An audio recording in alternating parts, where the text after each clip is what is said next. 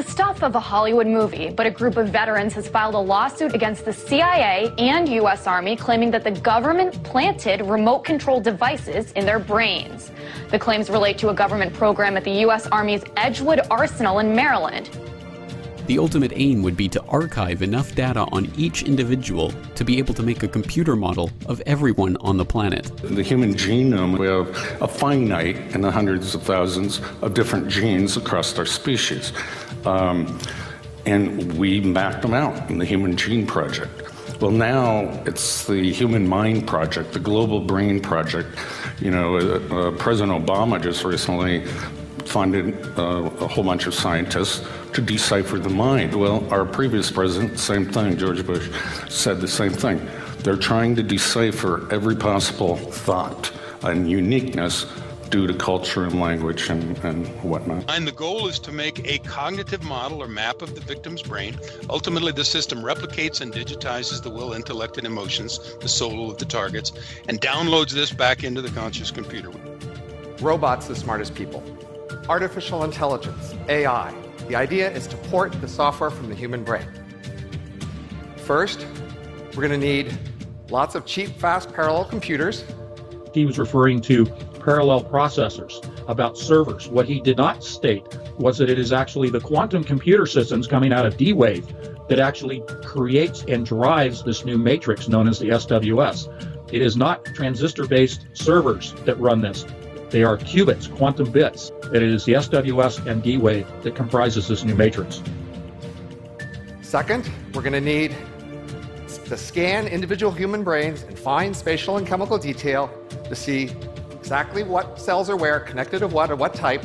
We could scan my brain from inside, sending scanners through the bloodstream, billions of them in the form of nanorobots or nanobots, and capture every detail of my synapses and neurotransmitters and create a virtual Ray Kurzweil and a very powerful computer. And it would be indistinguishable from me. It would pass a Ray Kurzweil Turing test. And third, we're going to need computer models of how each kind of brain cell works, taking input signals, changing interval state, and sending output signals. If we have good enough models of all the kinds of brain cells and a good enough model of a brain, we can put it together to make a good enough model of an entire brain, and that model would have the same input-output behavior as the original. So if you talk to it, it might talk back. If you ask it to do things, it might do them. If we could do that, everything would change. The Manhattan Project gave us the atomic bomb. The Genome Project gave us the human genome. The third great initiative could be the Connectome Project to map the entire human brain. And that may take a quantum computer.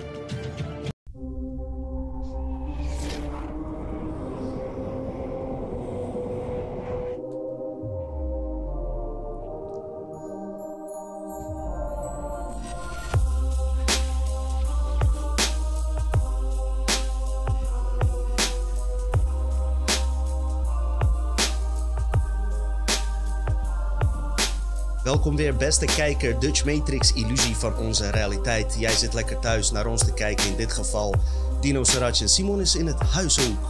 Hallo. Welkom Simon, we zijn uh, lekker weer met z'n tweeën. En uh, we hebben besloten weer, uh, weer wat dingen te gaan droppen, wat verschillende onderwerpen. En ik ga vandaag sowieso tot de kern van de zaak. Om de afgelopen podcasten en deze ja, extreme theorieën die ik aanhang, om ja, ze nog wat meer kracht te geven omdat er in de hedendaagse techniek um, is zo ver dat we eigenlijk uh, misschien wel de situatie waar we in zitten steeds beter zouden kunnen begrijpen. Dus blijf lekker kijken. We maken er wat moois van. En Simon is in ieder geval hier lekker aanwezig. Eerste aflevering omdat het lekker avond is. Op achtergrond zie je net als bij RTL Late Night verrotte auto's voorbij rijden. Van mensen uit de buurt hier. Dus Simon, uh, heb je er zin in een beetje, gozer? Ja hoor, kom maar op. Ja man. Kijk, uh, laten we meteen, uh, hè, hoe zeggen ze dat? in huis vallen met... met de deur in huis Met vallen. de deur in huis vallen. Simon gaat het hebben over Tataren. Omdat er zoveel informatie daarover is, gaat hij het niet delen doen. Dus ik ben zeer benieuwd. Ja, de, de sterforten. Sterforten. Wat daar een onderdeel van is. Ik, ik oh, dat ik meerdere dingen moest uh, gaan doen. Ja, ja. Nou, ik ben benieuwd omdat ik er zelf ook heel weinig, uh, ja, zo goed als niks uh, vanaf weet. En we hadden het net al over, als je van bepaalde onderwerpen niet veel vanaf weet, is het iets lastiger met voorbereiden ook. En dat heeft Simon ook wel gemerkt. Ja. Want veel dingen die we tot nu toe hebben gedaan, wisten we altijd een beetje op de achtergrond over gehad, Nu zijn het echt dingen die, bam, compleet nieuw zijn. In mijn geval uh, ga ik het hebben dus over brein- en computer interface.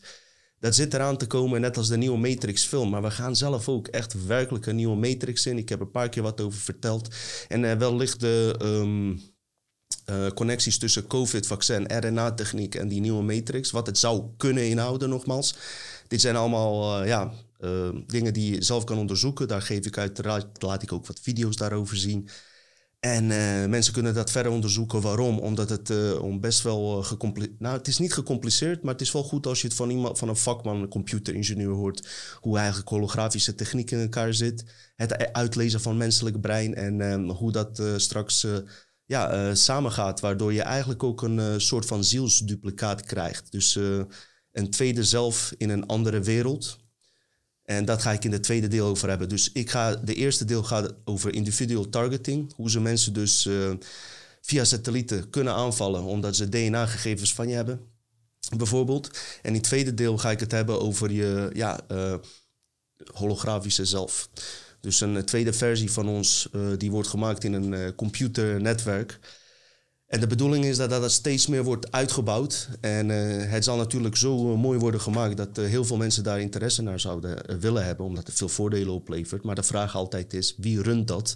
En wat kan ermee worden gedaan? Dus het is nogal wat informatie. Voor mij ook lastig om bepaalde termen goed te doorgronden. Dus ik heb mijn best gedaan om het gewoon lekker in een begrijpelijke taal te doen. Weet je, ik zeg maar zo, want dat is korter dan dierentuin.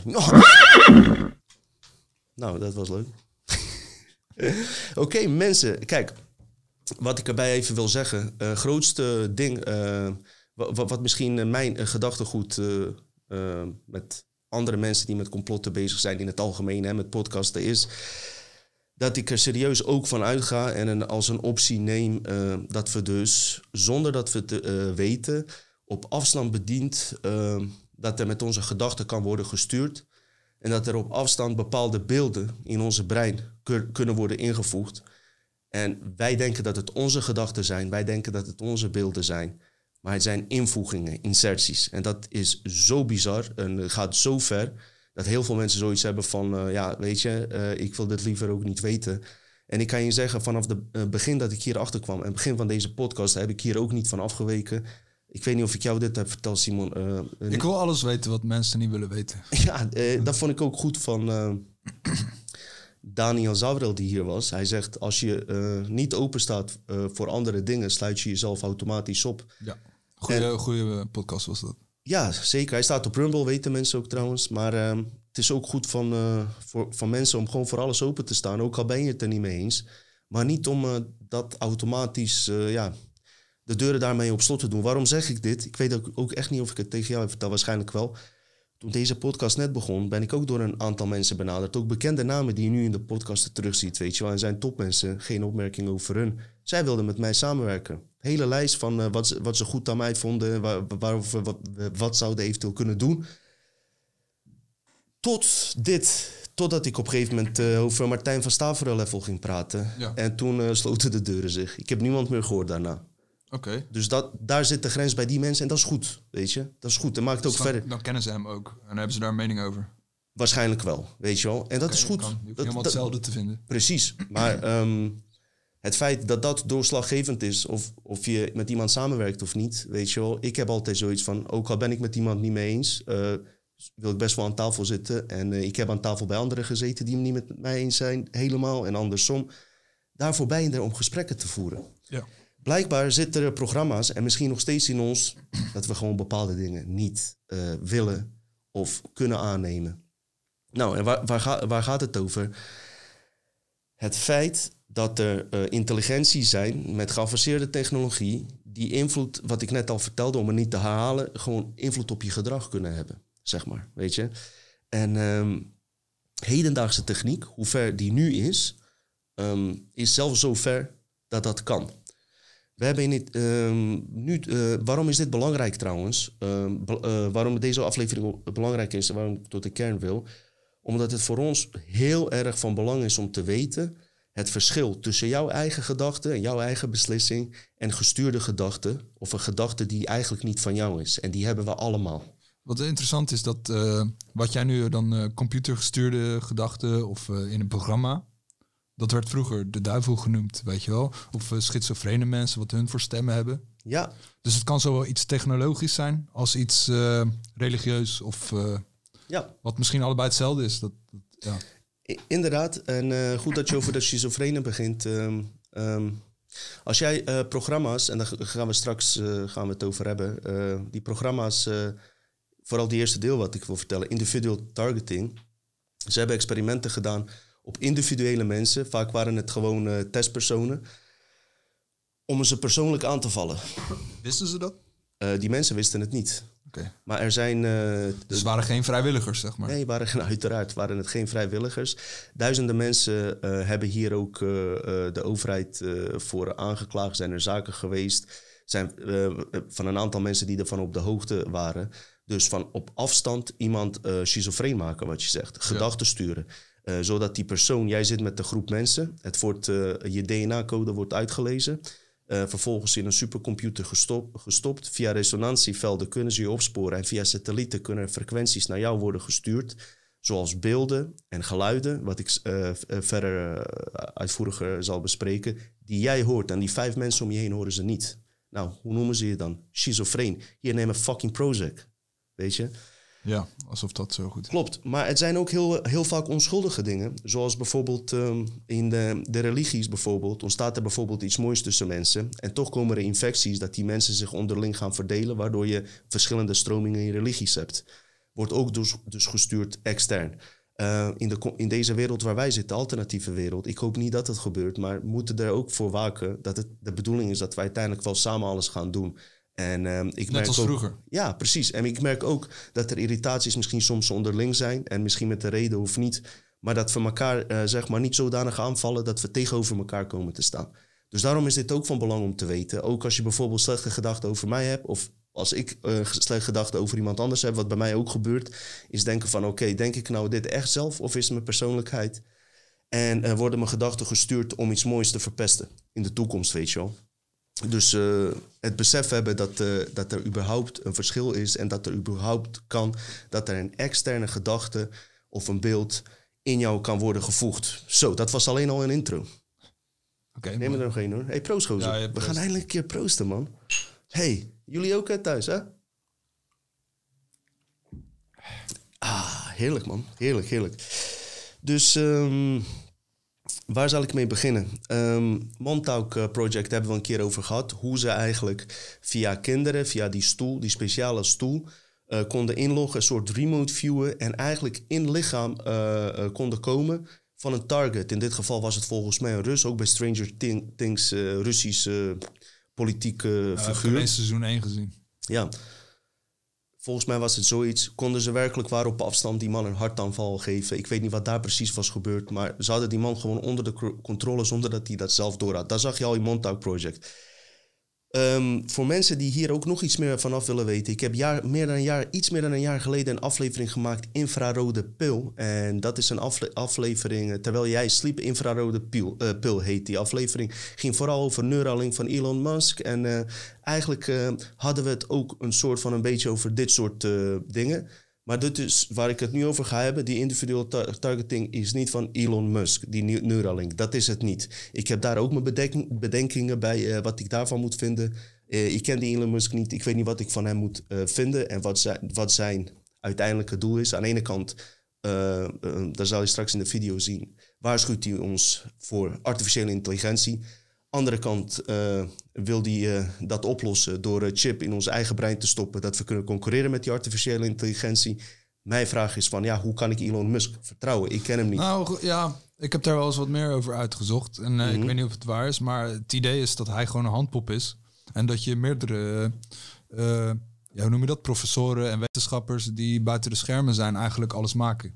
Dus Klopt. dat je bijvoorbeeld met Steve Jobs heb je één vent met een zwarte trui die dan op een podium staat. Die misschien goede ja, maar bedoelingen heeft, had. heeft hij al die telefoons uitgevonden? Klopt. Weet je wel, je- het is altijd een, eh, een mannetje die het woord voert. Ja. Die misschien wel helemaal niks daaraan doet, maar die gewoon- ook gewoon instructies krijgt. Ja, en je, je moet altijd zo denken. Toen YouTube net eh, was gemaakt, was het door een paar eh, jonge mannen in zolderkamer gemaakt. En het werd onwijs organisch populair. En het is nu iets anders. Het is nu overgenomen door, door, eh, door, door de grotere bedrijven, weet je wel. Het, het is niet Ja, meer hetzelfde als eh, dat het was. Ik Wat- zeg niet goed of of slecht, zo, maar ja. Vrouw. Zo kan het dus ook bij hem gebeuren, wat ik wil zeggen. Dat misschien Elon Musk wel goede bedoelingen heeft. Dat hij daarna wordt bedreigd. Of dat het werd, wordt overgenomen in nadeel van de mens. Dus waar komt het op neer, mensen? Ehm, dat we hier gewoon eh, ons van... Het enige wat wij hoeven te doen is hiervan eh, te beseffen. Dus niet bang worden dat, eh, dat dit ook werkelijk gaat gebeuren. Want daarom zijn we eigenlijk ingelogd in deze tijdlijn. Omdat de techniek zo ver is om het te kunnen uitleggen. Ja.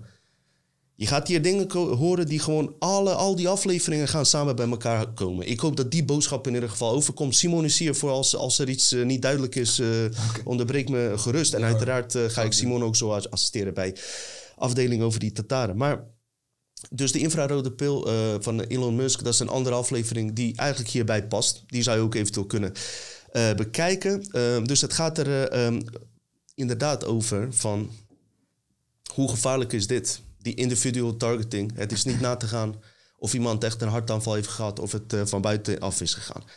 Deze techniek is meer dan 80 jaar uit. Binnen begin jaren 30 eh, werden al gecontroleerde hypnoses op mensen afgevuurd, zeg maar. Ehm, eh, bij die, eh, Jo- eh, even kijken, Jozef of Engelen. Oh ja, dat was het, ja. Dus ehm, wat ik hiermee eigenlijk wil zeggen, is dat dit ook gepaard gaat met als iemand bijvoorbeeld een engel zit, of Jezus of iets anders, dat dit theoretisch gezien, ga je straks dus achterkomen, gewoon een eh, radiogolffoto kan zijn, die via codes in je brein, frequentie die in je brein is geplaatst en dat het dus helemaal niet bestaat. Ik zeg niet dat het zo is, ik zeg alleen dat dat dus mogelijk is. Wat was er aan de hand? Ehm, in de, ehm, even kijken, begin jaren 30, laten we zeggen, ook jaren 50 werd het wat serieuzer.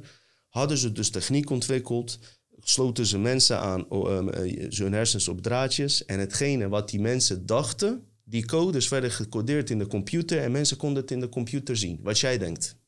Daar kan je volgen, toch? Simpel. Ja, ik heb wel zoiets gezien. Die En Het techniek. begint dan eerst met vage beelden. Ja. En dan begint die computer het steeds beter te begrijpen. Mhm. En dan worden het duidelijkere beelden. Maar het is wel dat per mens kan er nog een variatie zijn in wat jij bij dat beeld voor gevoelens hebt. Of, want iedereen Juist. heeft een ander leven gehad, andere dingen meegemaakt. Juist, ja. Nou, maar je- toch knap dat zo'n computer toch met plaatjes eh, terechtkomt. Al 80 jaar geleden. Oké.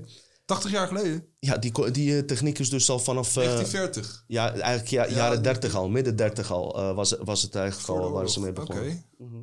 Hm. Wist jij zelfs, dit heb ik eh, ook in een eh, lezing van Martijn van Staveren gehoord. Ze hebben toch Einsteins brein bewaard Ja. om te onderzoeken. Oké. Je brein is eigenlijk ook een, een soort van harde schijf.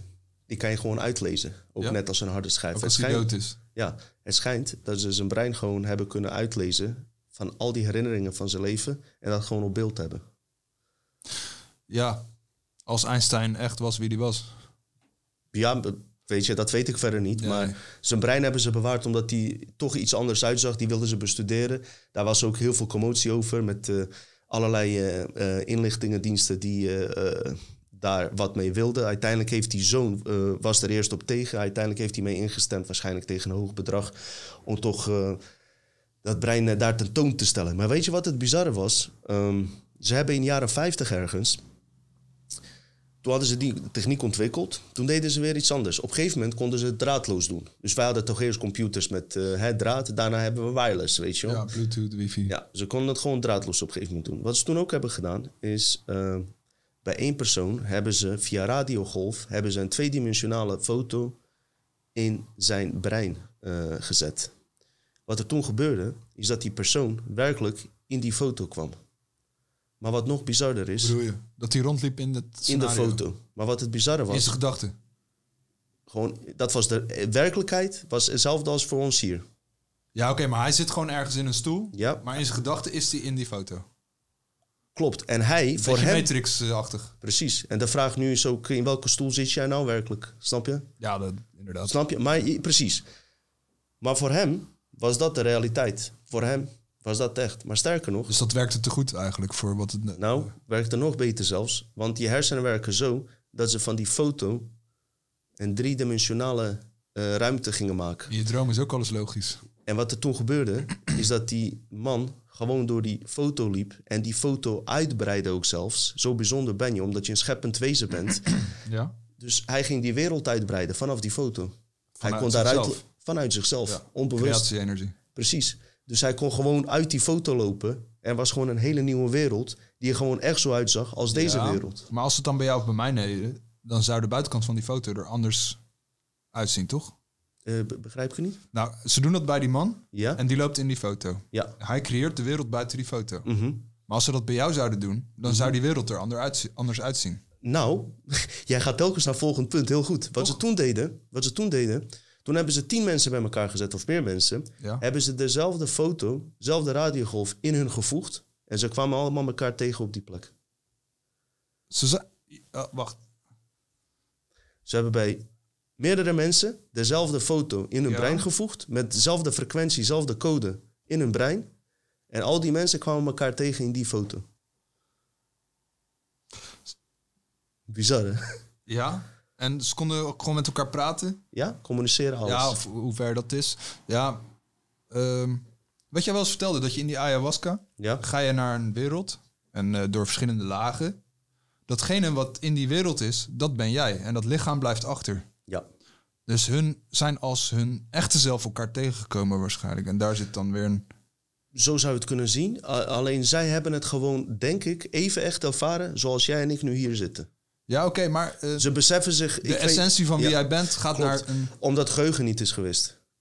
Ja, Stel je voor dat in die foto dat er een programma doorheen wordt gegooid, dat je geheugen weg is. ja. In hoeverre zou je dan weten dat je eigenlijk op een andere plek zit? Ik denk wel eens over na over geheugenwissen. Dat dat in jouw hersens gewist wordt of zo. Het wordt eh, Maar in je- opgeslagen waar je niet bij in jouw kan. ziel toch een onderdeel van jou is. Nou, het wordt eigenlijk niet gewist, hè? Het wordt op, in een ruimte gezet waar je niet bij kan. Ja. Dus het is er nog Dus steeds. dat bedoel ik via hypnose kan je het... eh, ja. Het wordt niet gewist. Eh, alleen je kan er niet bij, maar via hypnosesessies en andere dingen kom je erbij. Maar waar ik eigenlijk heen wil is, waar, ik, eh, waar we het over hebben, hè, wel eens in de, in de podcast, is dat. Stel je voor dat er een mogelijkheid is, en we gaan ervan uit dat die Anunnaki ons technisch, tenminste technisch 100.000 jaren verder is. Wat voor oorlog zouden ze dan tegen ons voeren? Ze hoeven niet met een heel leger aan te komen. Kunnen ze ook doen en ons vermoorden. Dat is hun bedoeling ook niet, want ze hebben onze kracht nodig. Ze voeren het uit Ja, via je gedachten. En daar wil ik eigenlijk hierheen. Ehm, hoe simpel het eigenlijk is. Eh, ze zouden gewoon in onze originele vorm. ehm, terwijl wij een eh, wereld wilden beleven, wel een, eh, een positieve matrix wilden beleven. Dat er een invasie is geweest waar een foto massaal bij mensen, geef ik als voorbeeld, is ingevoegd. Door een paar eh, te- technische ehm, ehm, dingen die, eh, die ze kunnen toepassen. Door, zoals wissen van je geheugen. Of naarmate de tijd verstrijkt, kunnen ze ook video's plaatsen eh, van je historie die er nooit zijn geweest. toegevoegde vorige levens. Daar kan je je fantasie op loslaten. Ja, van iemand- wat nou werkelijk echt is.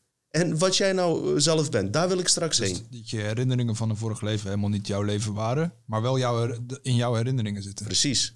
Waardoor En dat je echt echte herinneringen zijn op het moment eh, waar, waar jij aangevallen bent.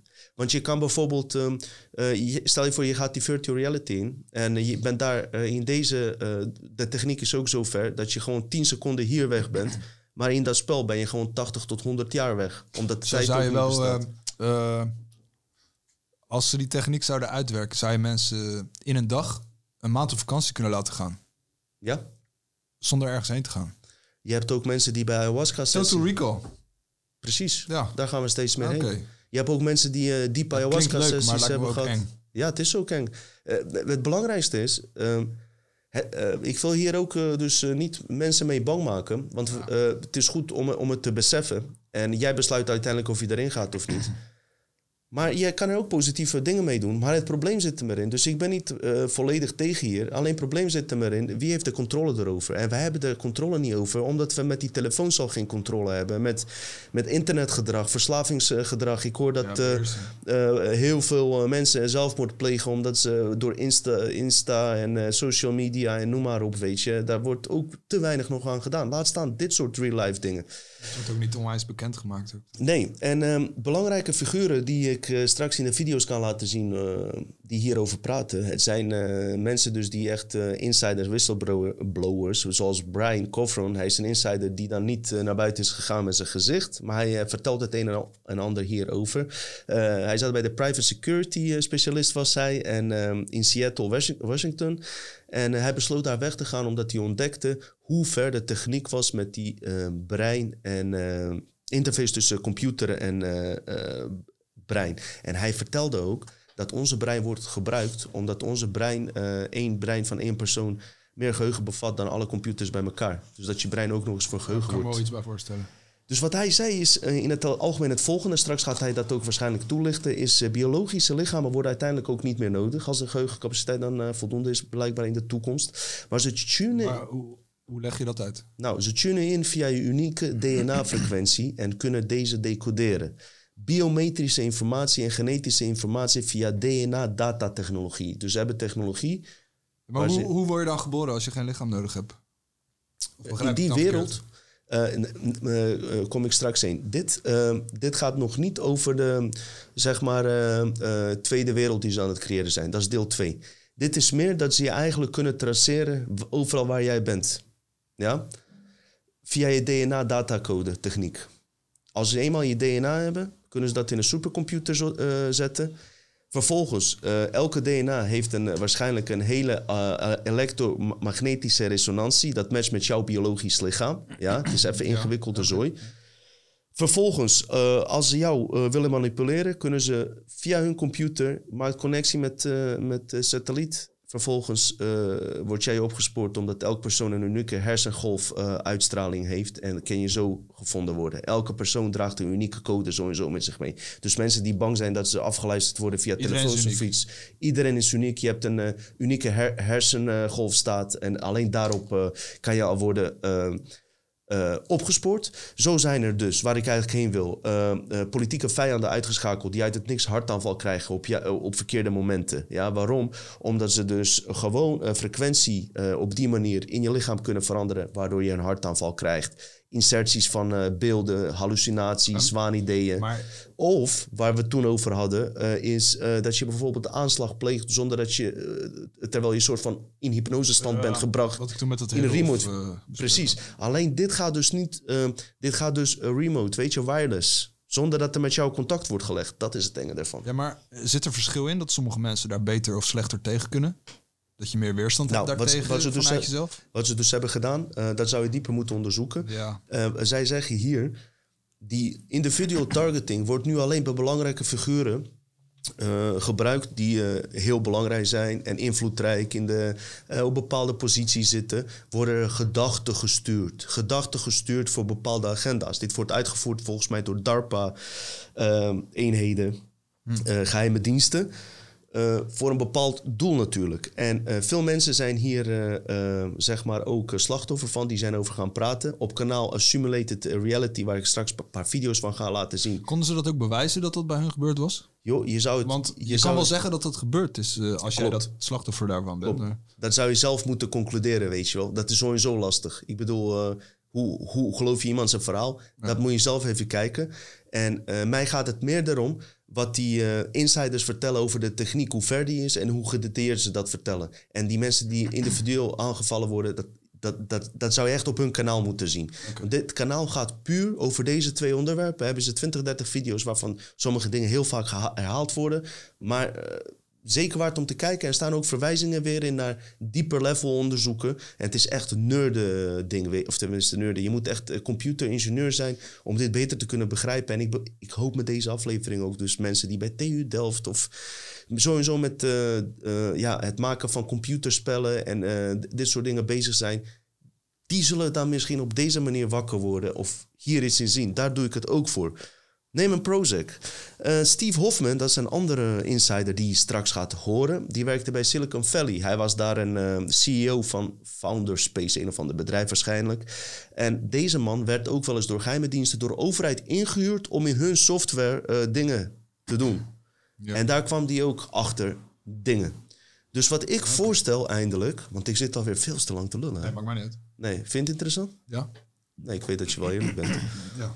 Ehm, Deze man uh, ondervond een paar onperkelijke dingen. Dus ook hem hoor je hierbij. Ik stel voor dat ik gewoon eventjes wat laat zien. Zodat jij ook een beter idee krijgt uh, waar het over gaat. Gaan we commentaar op geven en gaan we weer verder.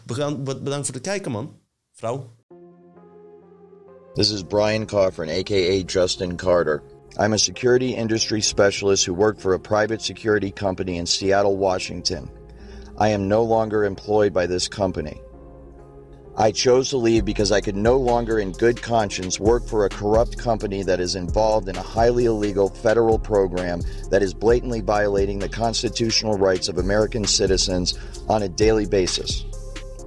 The military, you know, they pioneered the internet, DARPA, and now they are pioneering uh, our interface to our brain. For that, we really need to measure every neuron and at appropriate speeds um, and long periods of time. And that's what the BRAIN Initiative is about. They asked us to go and measure the activity in a living brain and map exhaustively the wiring diagram of every neuron connecting to every other neuron. And we're, uh, as part of the BRAIN Initiative, thinking about the Rosetta brain, where we don't, we're not picking one particular winning technology. We're trying to stimulate new uh, innovative technologies and to integrate them all into one brain and do that over and over again in, in different brains and different patholo pathological settings in humans. And then from there, IARPA wants us to deliver the brain up to the cloud. So this is a 40 gigabit per second brocade switch to the Internet 2 infrastructure. So this is like the fast, fast internet. And we upload that brain to the cloud. And here's a laundry list of the types of uh, bytes that we need to, to store this information. If you're interested in brain uploading and downloading, these are the kind of absolute minimum numbers that you need to be considering. But it's not out of range. It's not necessarily far off in the future. And if you think the internet is big, if you think blockchain is big, this is going to blow it all away. Because there's nothing bigger than connecting our minds to the internet. I find it interesting that that's what's going on. That's what they're admitting. They're saying, hey, this Microns project is going straight to the source. We're not taking it from the global internet perspective, we're taking it from the brain itself. And eventually, those two things will merge. So the public announcement of a project like this is pretty telling about where we are. It's so funny because the, the military contacted me and asked if I would help them. And I'm reluctant to do that because I like talking about everything. and it would be top secret, whatever they told me. So it's like, I don't know. I, I, uh, I have a lot of ideas, but I don't want to know what you're doing because I only want to know it's public. So this is public. Um, but how they're doing it is not public. And the different applications for it on the battlefield are not public. It is with laws that protect whistleblowers in mind that I am choosing to make this information available to the public. By doing so, I hope to put pressure on those in power in this country to investigate those involved in this social engineering program and bring them to justice. There are new technologies, and a lot of them are being developed by startups and the military uh, that are going to allow us to much more accurately uh, uh, measure and actually communicate with your brain. Now, the nice thing about this technology is it's non invasive, meaning they don't have to crack open your skull and put a chip inside.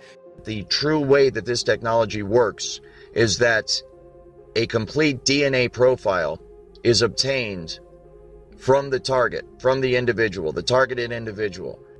And then this information, the DNA of the individual, is used to determine the resonant frequency of the DNA itself. The resonant frequency is then used to fine tune the technology, the radio frequency signals, the microwave auditory effect, and all of the other aspects of the technology to tune it perfectly to the resonant frequency of the targeted individual's DNA. And they can read your thoughts verbatim as they occur within your own mind we can generate an electronic signal that's characteristic for the DNA. This can read DNA from solution, and your blood is a solution, it's a liquid. We can decode it into a form that can be read by a computer. And in a way, you can think about uh, DNA as uh, digital information moving through a tube. Now, if we can tap into that tube, uh, like a network, and we can read that information, we can intercept what's happening in people, you can make them an extension of the internet. And, uh, you know, I, I have a thermostat at home that's on my iPad. I can change, I can warm the house up before I get home. People call that the Internet of Things. We call this the Internet of Living Things. Much like any information, biometric information, digital information can be susceptible. We know that genetic information and DNA uh, sequencing information is highly sought after by adversaries. The memo says the kits could expose personal and genetic information and potentially create unintended security consequences and increased risk. It also says the data in the wrong hands could be used to conduct mass surveillance or to track individuals. There are many military applications for having, maintaining, and using DNA data sets. There are new technologies that are coming out. Technology called biocoded directed energy. Mm-hmm. And that's a top secret thing that was developed. And what it is, is they get your DNA. Once they have your DNA, they take the DNA and they put the, your DNA code in a supercomputer. And in that supercomputer, they run algorithms that biocode electromagnetic transmissions so they bioresonate with your body. Once they've done that, they can transmit that from satellites or cell towers or aircraft or any number of ways. And that signal will only affect you and nobody else. In other words, everybody standing next to you is not going to hear the content because their receiver is not tuned to that bioresonance. Ik ben mezelf nog niet al die jaren nooit geweest. Dat lijkt het een beetje, of niet, Simon? Eh, weet je waar het me aan doet denken? In Afrika had je dan van die eh eh, voodoo-priesters. Die hebben zo'n poppetje, nemen ze een stukje van je haar, DNA, doen ze in die pop. En dan steken ze zo in die pop. En dan voel jij dat, dat je in je rug gestoken bent. Dit is een hele gemoderniseerde versie van voodoo-poppen. En hoe komen zij dan aan die kennis, vraag je dan af? Die voodoo-mensen. Ja. Dat is de biologische versie daarvan. Ja. Dus wat ik denk, net als met die Tartaren, eh dan kom je toch dat er een bevolking was voordat wij er waren. Ik denk dat die mensen, eh, met die vrije energie en zo, dat die eigenlijk alles al wisten. En dat toen hun zijn verwijderd, of wat er ook gebeurd is, eh, is de kennis ook verwijderd, zeg maar. Dus wij waren vroeger misschien een volk wat alles al wist. En die ook geen per se uitgesproken leiders hadden of iemand die boven je staat. En dat bepaalde figuren dat dan wel wilden. En van een bepaald tijdperk gebruik hebben gemaakt om dan de wereld te- ja, te resetten. Zodat dat wij nu eigenlijk niks weten. En dat we nu, na die 200 jaar later, eigenlijk op het punt zijn dat we steeds meer wel weten. Maar dat het eigenlijk een soort race is wie het eerste weet of wie het eerste ons overneemt. Oké, en ehm, als je dit al in een, eh, op een computer gestuurde manier ziet en eh, je weet hoe een eh, spel wordt opgebouwd, hè, jij speelt zelf ook spellen en alles, Ja.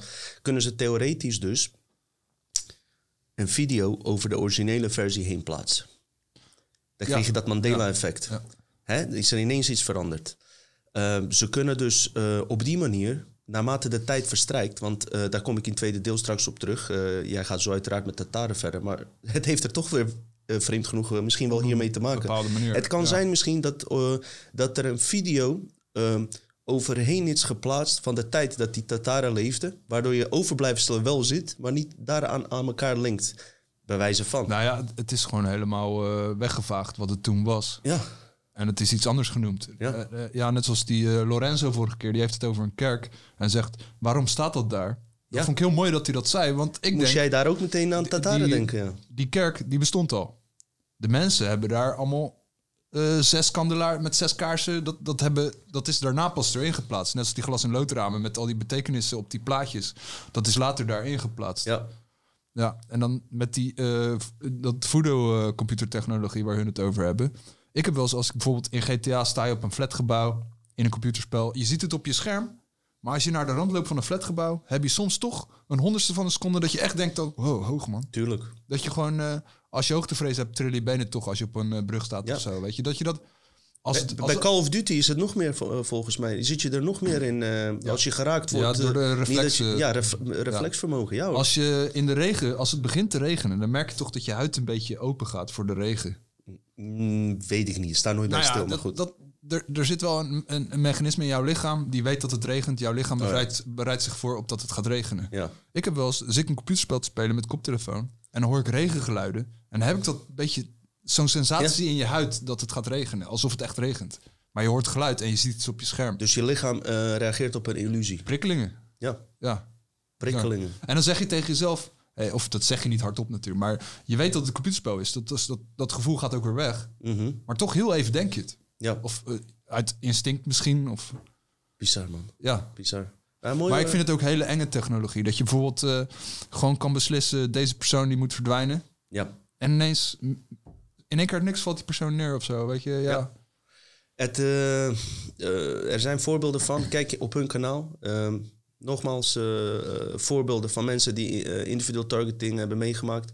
Ik heb ook een kort stukje in die eh, infrarode pil aflevering ook een eh, figuur eh, die beweert daar last van te hebben. Ik heb hem eerlijk gezegd niet uitgebreid onderzocht, dus doe dat zeker voor jezelf. Maar daar gaat het ook niet om. Het gaat om die insiders die je net zag, die gewoon gedocumenteerd zijn en voor die projecten hebben gewerkt. En het zijn mensen die weten waar ze over praten. Dat moet je zelf invoelen. Hè? Ga, het, het zijn niet alleen hun. Ik heb nog een hele berg wat straks komt en wat ik nog niet kan laten zien. Maar waar ik eigenlijk ook, eh, wat ik ook hiermee wil zeggen is, ehm, als iemand zijn gedachten kan worden bestuurd nu op een aardslevel, ehm, moet je voor, volgende keer goed bij jezelf nadenken in hoeverre je boos kan worden op een politiek figuur zoals eh, Mark Rutte en Hugo de Jonge. En nou ga ik zelf ook zeggen, ik heb ook van alles gezegd. Hè? Eh, is goed allemaal geweest. Was ook emotie, ook in die avondklok en alles. En nog steeds irriteer ik me aan veel dingen. Maar wat nou als zij op die manier dat hun eh, gedachtepatroon. Want weet je wat ze kunnen zelfs? Ze kunnen eh, zodanig inloggen. Dat was in de jaren 30 zo. Alsof ze. Ze zitten in jouw lichaam. Ze horen wat jij hoort. Ze zien wat jij ziet. First game player in een computerspel. Dat zien ze. Via die invoegingen kunnen ze je eh, gedrag manipuleren, vooral bij bekende personen. En misschien is dat ook de reden dat bijvoorbeeld zo'n Lady Gaga, die misschien van oorsprong een hartstikke lief meisje is, of Britney Spears, noem maar op. Of jongen. of jongen, dat weet je niet. Of allebei, maar da- da- daar gaat het nou niet om. Ehm, beïnvloed worden voor bepaalde redenen. En waarom zeg ik dit? En ik ben er zelf ook hier lerend in. Dus dit is echt waar ik nu mee bezig ben. Ook voor mensen waar ik mee bezig ben, is proberen niet die persoon waar ik ook last van heb. En in hedendaags leven heb je daar last van. van met wie heb je een probleem? Heb je met de bron van die persoon een probleem? Of heb je met een invoeging te maken? Het is met Rutte bijvoorbeeld. eh, tuurlijk ben je boos op Rutte. eh, Ik wel in ieder geval. Tuurlijk. Maar wat ik erger vind is, Rutte zegt bijvoorbeeld... iedereen moet de mondkap op. Ben ik eigenlijk meer boos dat wij als mensheid dat nog doen ook. Ah. Dat, dat is maar één man. Wie, wie is hij dan? Gewoon een gast met een pakje en een bril. Dat je denkt, als hij bij jou op school zat, dan, eh, dan was je geen vrienden met hem. Nee. Weet je wel? En die staat dan de hele Nederland te vertellen wat ze moeten doen... en wat wel en niet mag. Mhm. Er zit Omdat natuurlijk wel ja. meer achter. Ja, ja, kijk, maar je, je kan ze dus zo zien bij onszelf ook. Hè. Ik, ik durf je ook te vertellen, ook deze aflevering vertelde je net. Alles zat in de weg om hem maar te maken. Allerlei recepten kwamen naar voren om maar ruzie te krijgen thuis. eh, om eh, buiten eh, Ja, ook discussies. wel mee. Maar nee, er was even wat irritatie voordat ik hierheen kwam, ja. dit, hierheen, daarheen, alles. En dan ga ik bij mezelf dus naar binnen en denk van... hé, hey, luister, dit is een vooropgezet iets. En iemand die zich niet met deze on- onderwerp bezighoudt... zou denken dat ik zwaar schizofreen ben. Je neemt een Prozac. Weet je ik gehoord heb? Eh, dat is misschien een beetje een raar voorbeeld, maar eh, bijvoorbeeld, eh, je wil de deur uitgaan en zit je sleutels zitten niet in je zak. Moet je weer terug naar binnen, je sleutels gaan zoeken. Er is een idee dat ja, wat spiritueler mensen die denken dan dat jij beschermd wordt door andere zielen of weet ik veel wat. Of ja, dat, dat was niet helemaal duidelijk. Dat jij de sleutels zijn expres kwijt. Want als Oh. jij op tijd je sleutels had, had je misschien in een ongeluk gezeten. Ja, ja. Waardoor je eigenlijk je leven gered hebt door je sleutels kwijt te zijn. Maar dat weet je zelf niet. Klopt. Eh, Dolores Cannon heeft daar in, in haar boek eh, een aantal voorbeelden van mensen met World Trade Center. Dat ze die dag zouden werken. Met wat voor vaagste dingen zij niet in dat gebouw waren. En ging ze die mensen hypnotiseren. En dan bleek het op een eh, groepslevel besloten te zijn dat zij. Ook degene die doodgingen hadden het besloten, maar ook degene die het overleefden hadden het op een bepaald zielsniveau, werd daar verteld. Ik, ik weet daar ook verder niet veel van. Werd er zo besloten. Dus één, één man bijvoorbeeld eh, gaat de deur uit lekker band. Andere man, die, die ging, ook zo'n belangrijk Wall Street figuur, eh, die ging nog even zijn eh, pak halen. Want die, eh, die werd dan gewassen en gestreken. En hij was nog geïrriteerd dat die vrouw er zo lang over deed. En het ging Mhm. helemaal fout. Hij dacht dat zijn dag echt stuk was. Nou, later was hij blij dat, die, dat dit allemaal gebeurd Ik was. heb zeg een YouTube-filmpje gezien. Een Arabische man, die loopt volgens mij in Dubai of zo ergens... waar ze van die hoge flatgebouwen maken, weet je Mhm. wel. Hij loopt gewoon normaal hoe iemand loopt. En één keer maakt hij een soort raar hinkeltje-achtig... alsof hij half struikelt. Mhm. En een glazen plaat van het bouwwerk... die valt zo'n stukje voor Heb hem langs op de grond. Heb ik- Maar als hij niet gestruikeld had... of zo'n raar hinkeltje had gemaakt... Klopt. dan had hij dood geweest. Ja, hey Simon, eh, volgens Maar waarom? mij... Hij struikelde... Ja. Er was niks waar hij over struikelde. Volgens mij wijken we een beetje af. Er zijn een paar haters Ja, die op dislike gaan drukken hoor. Ze staan er op te popelen hoor. Hè? Nee, maar Ja. het ging over die video met dat eh, eh, ja, soort eh, moderne voet. Maak maar geintje. Hey, eh, bizar, moderne voodoo. Ja, je zei net iets over Tataren. Gozer, ik ben benieuwd wat je erover te zeggen hebt. Ik kom straks Ik kon met eerst deel nog 2 hè. even, eh, wat DNA, wat je net zei, ook. De, nu we toch over Tartaren weer verder gaan. eh Tartaren had je vroeger. Die zijn verdwenen, die reuzen. Die mensen die dus eh, drie tot vier meter zijn.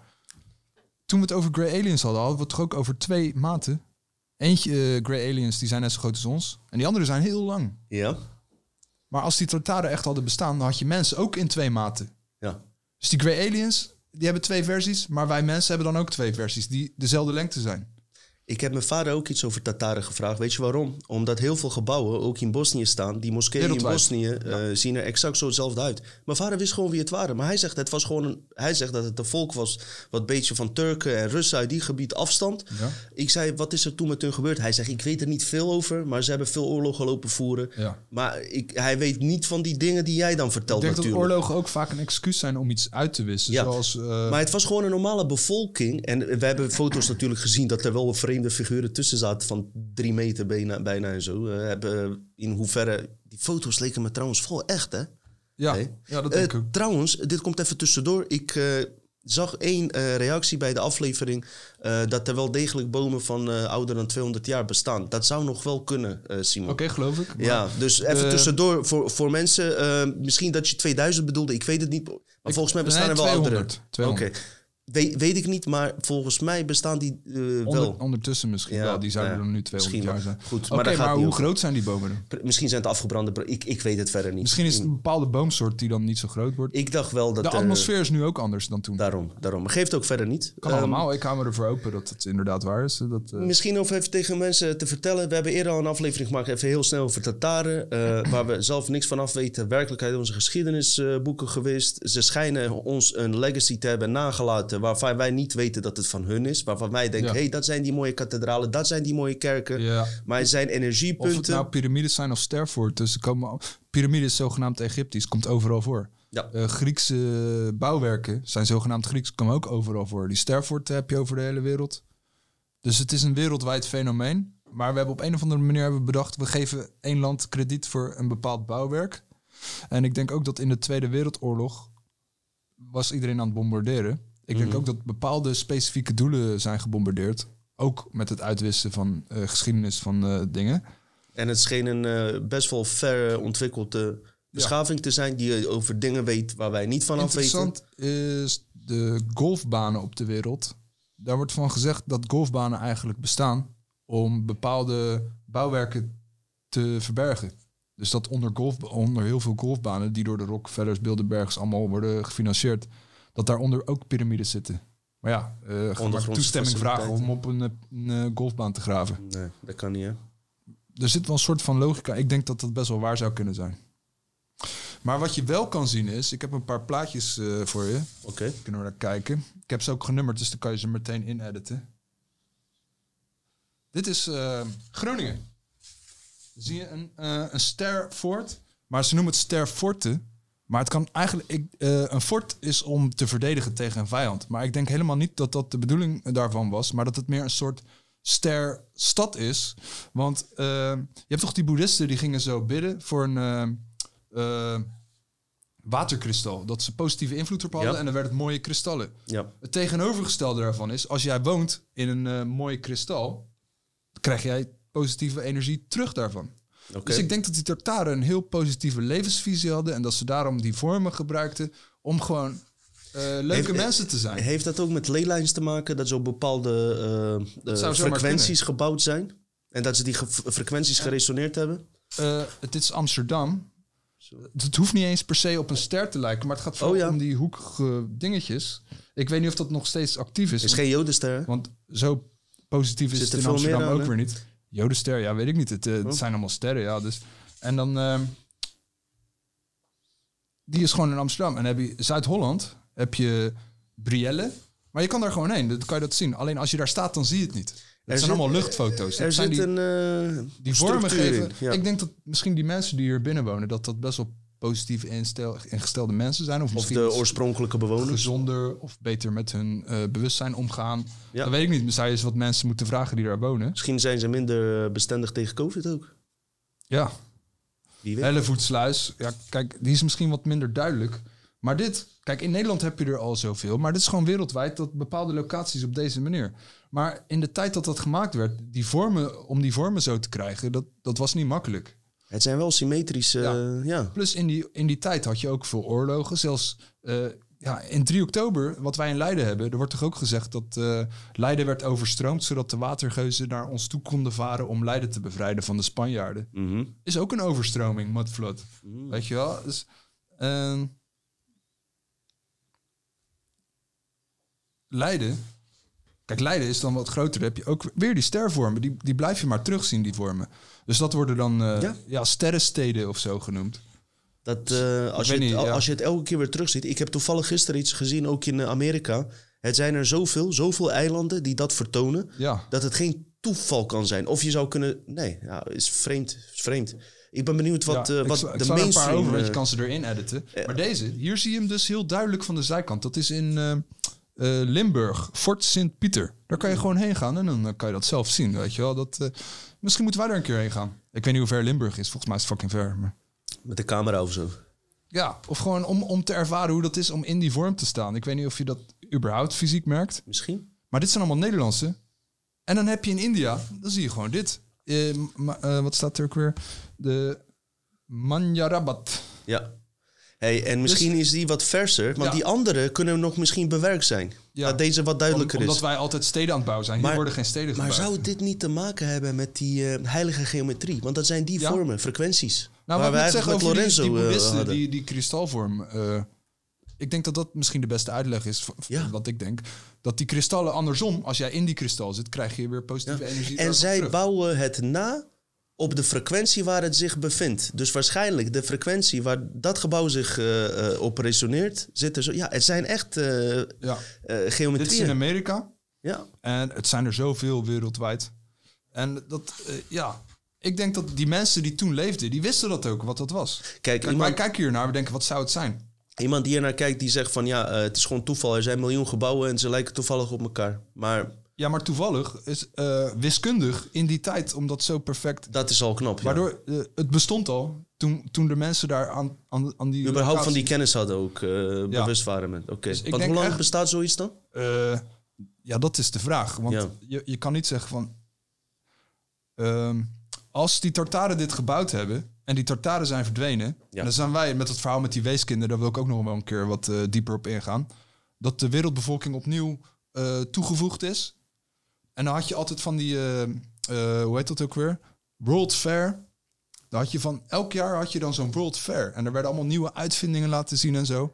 Maar als je daar geweest was, kreeg je een diploma in het jaar 1901, 2, 3 en 4, weet je wel. Kreeg je een, een diploma, die was betaald door de overheid. Dus je gaat naar een of andere World Fair om moderne techniek te zien. En dan krijg je een diploma van de overheid. Waardoor iemand, eh, ik weet niet of het, eh, er waren mensen die, ik, ik heb de naam niet meer van, ik weet niet meer waar ik het eh, Dat je een diploma krijgt van de overheid. Zo van, jij weet hoe nu de wereld werkt, hoe wij willen dat, dat, dat jij dat denkt. Anders eh, ben je een pseudo-wetenschapper. Dus die World Fair die had dan eh, dat. eh, vorige keer het laten zien van die bewegende stoep. Ja, dus die was bizar. Zodat ja. mensen een beetje kennis zouden krijgen van technologie. Ja. Die toen misschien nog net bestond. Of, of er al was. Die ze later. Want al die gloeilampen die, die stonden ook allemaal al aan in die tijd. Terwijl dat net nog uitgevonden. In dezelfde tijd dat het Hm. uitgevonden werd. Echt, eh, er zijn foto's van gebouwen met onwijs veel eh, verlichting. Dat is al best wel vreemd. Maar ja, hoe is die foto dan gemaakt? Dat, dat Nou, zou dan ja, een oude foto... Dat, eh, dat was toen wel... Eerder was, was Ja, fototoestel met zo'n eerder bus, buskruid Oh, ja. als flitser. En dan moest de lens langer openstaan. Ja. En die modder waar ik het toen over had, Paaseilanden. Dat Paaseiland Ja? is eh, vanaf de dichtstbijzijnde Ah. kust is het vijf uur vliegen. Nu hebben ze ontdekt dat in die paashoofden dat daar ook een lichaam in de grond zit. Dat wist ik Dus zelfs dat eiland midden in de zee is slachtoffer van die moddervloed. Alsof ze de hele aarde dan...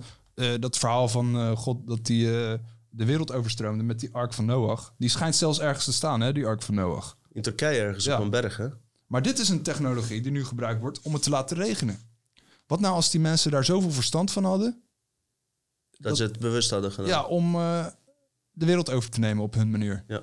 Ja, en of In dat de nou Bijbel mensen staat zijn of dat God besloten heeft voor Kijk, die... Het is ook eh, deels zo. speculatie wat ik nu doe. Weet je, ik kan niet zeggen dit is een Nee, feit. we- speculeren heel in de veel comments natuurlijk. zegt van, nou, dat is niet waar. Hoe weet je dat nou? Ja, dat weet ik niet. Je hebt altijd een paar haters tussen. Nou, haten, ik wil het niet haten noemen. Het is meer sceptisch. Je mag Mag wel hoor. sceptisch zijn. Nee, ik het toen was er iemand die had... eh, nou ja, nu je het toch over Philadelphia-experiment had. Deze foto. Ik denk niet dat het een echte foto is, maar het Sorry? laat wel goed Eh, zien. Die heb ik een keer eh, toch Oh, die heb jij zelf laten zien? Oh, ik zag hem ook voorbij Maar wacht komen. even, wat, heeft Philadelphia-experiment hiermee Wat te het maken? ermee te maken heeft, iemand zei dat zelfs die technologie eh, ook uit de Tartare Oh ja? wetenschap komt. Eh, ik weet wel dat eh, de Tesla's technologie was. Maar als, misschien heeft Tesla ook weer via omwegen zo, weet je. Die Tartaren hadden waarschijnlijk dan heel veel kennis van allemaal dingen die wij niet weten. Klopt. Maar de Blijkbaar. mensen die dus de wereld opnieuw bevolkt hebben, de, ja, of dat nou aliens zijn of andere mensen, weet ik veel, of de, de 13 bloedlijnen, die families, die zullen ook dingen weten die wij Weet je wat het is? Je weet het nooit, want iedereen is hier in een menselijk lichaam. Je weet niet wie zich in dat lichaam bevindt. Dus, dus dat is lastig. Die eh, kan je Ja. erin editen. Dat zijn een beetje die doen. En dat is het. Kijk, en die paaseilanden, die hoofd en die lichamen, die, eh, die beelden die zijn van vulkaansteen gemaakt. En toen ze dat gingen uitgraven, toen eh, vonden ze rode verf in, die, in dat zand.